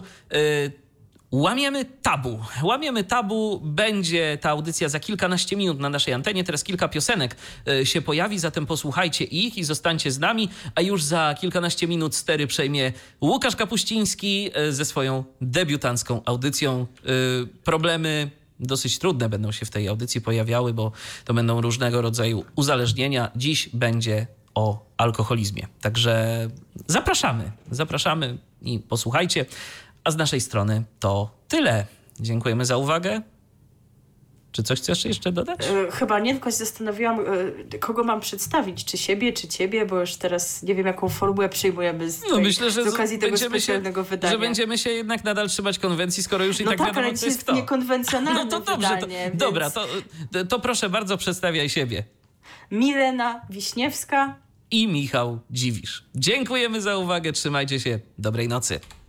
Specjalne Q&A z okazji setnego wydania programu RTV. Co jest w telewizji grane? O czym radia szumią fale? Jeśli wiedzieć będziesz chciał, włącz po prostu RTV. W każdą sobotę od 16 na antenie Radia DHT. O aktualnych wydarzeniach związanych z radiem i telewizją opowiedzą Milena Wiśniewska i Michał Dziwisz. Był to Tyflo Podcast. Pierwszy polski podcast dla niewidomych i słabowidzących. Program współfinansowany ze środków Państwowego Funduszu Rehabilitacji Osób Niepełnosprawnych.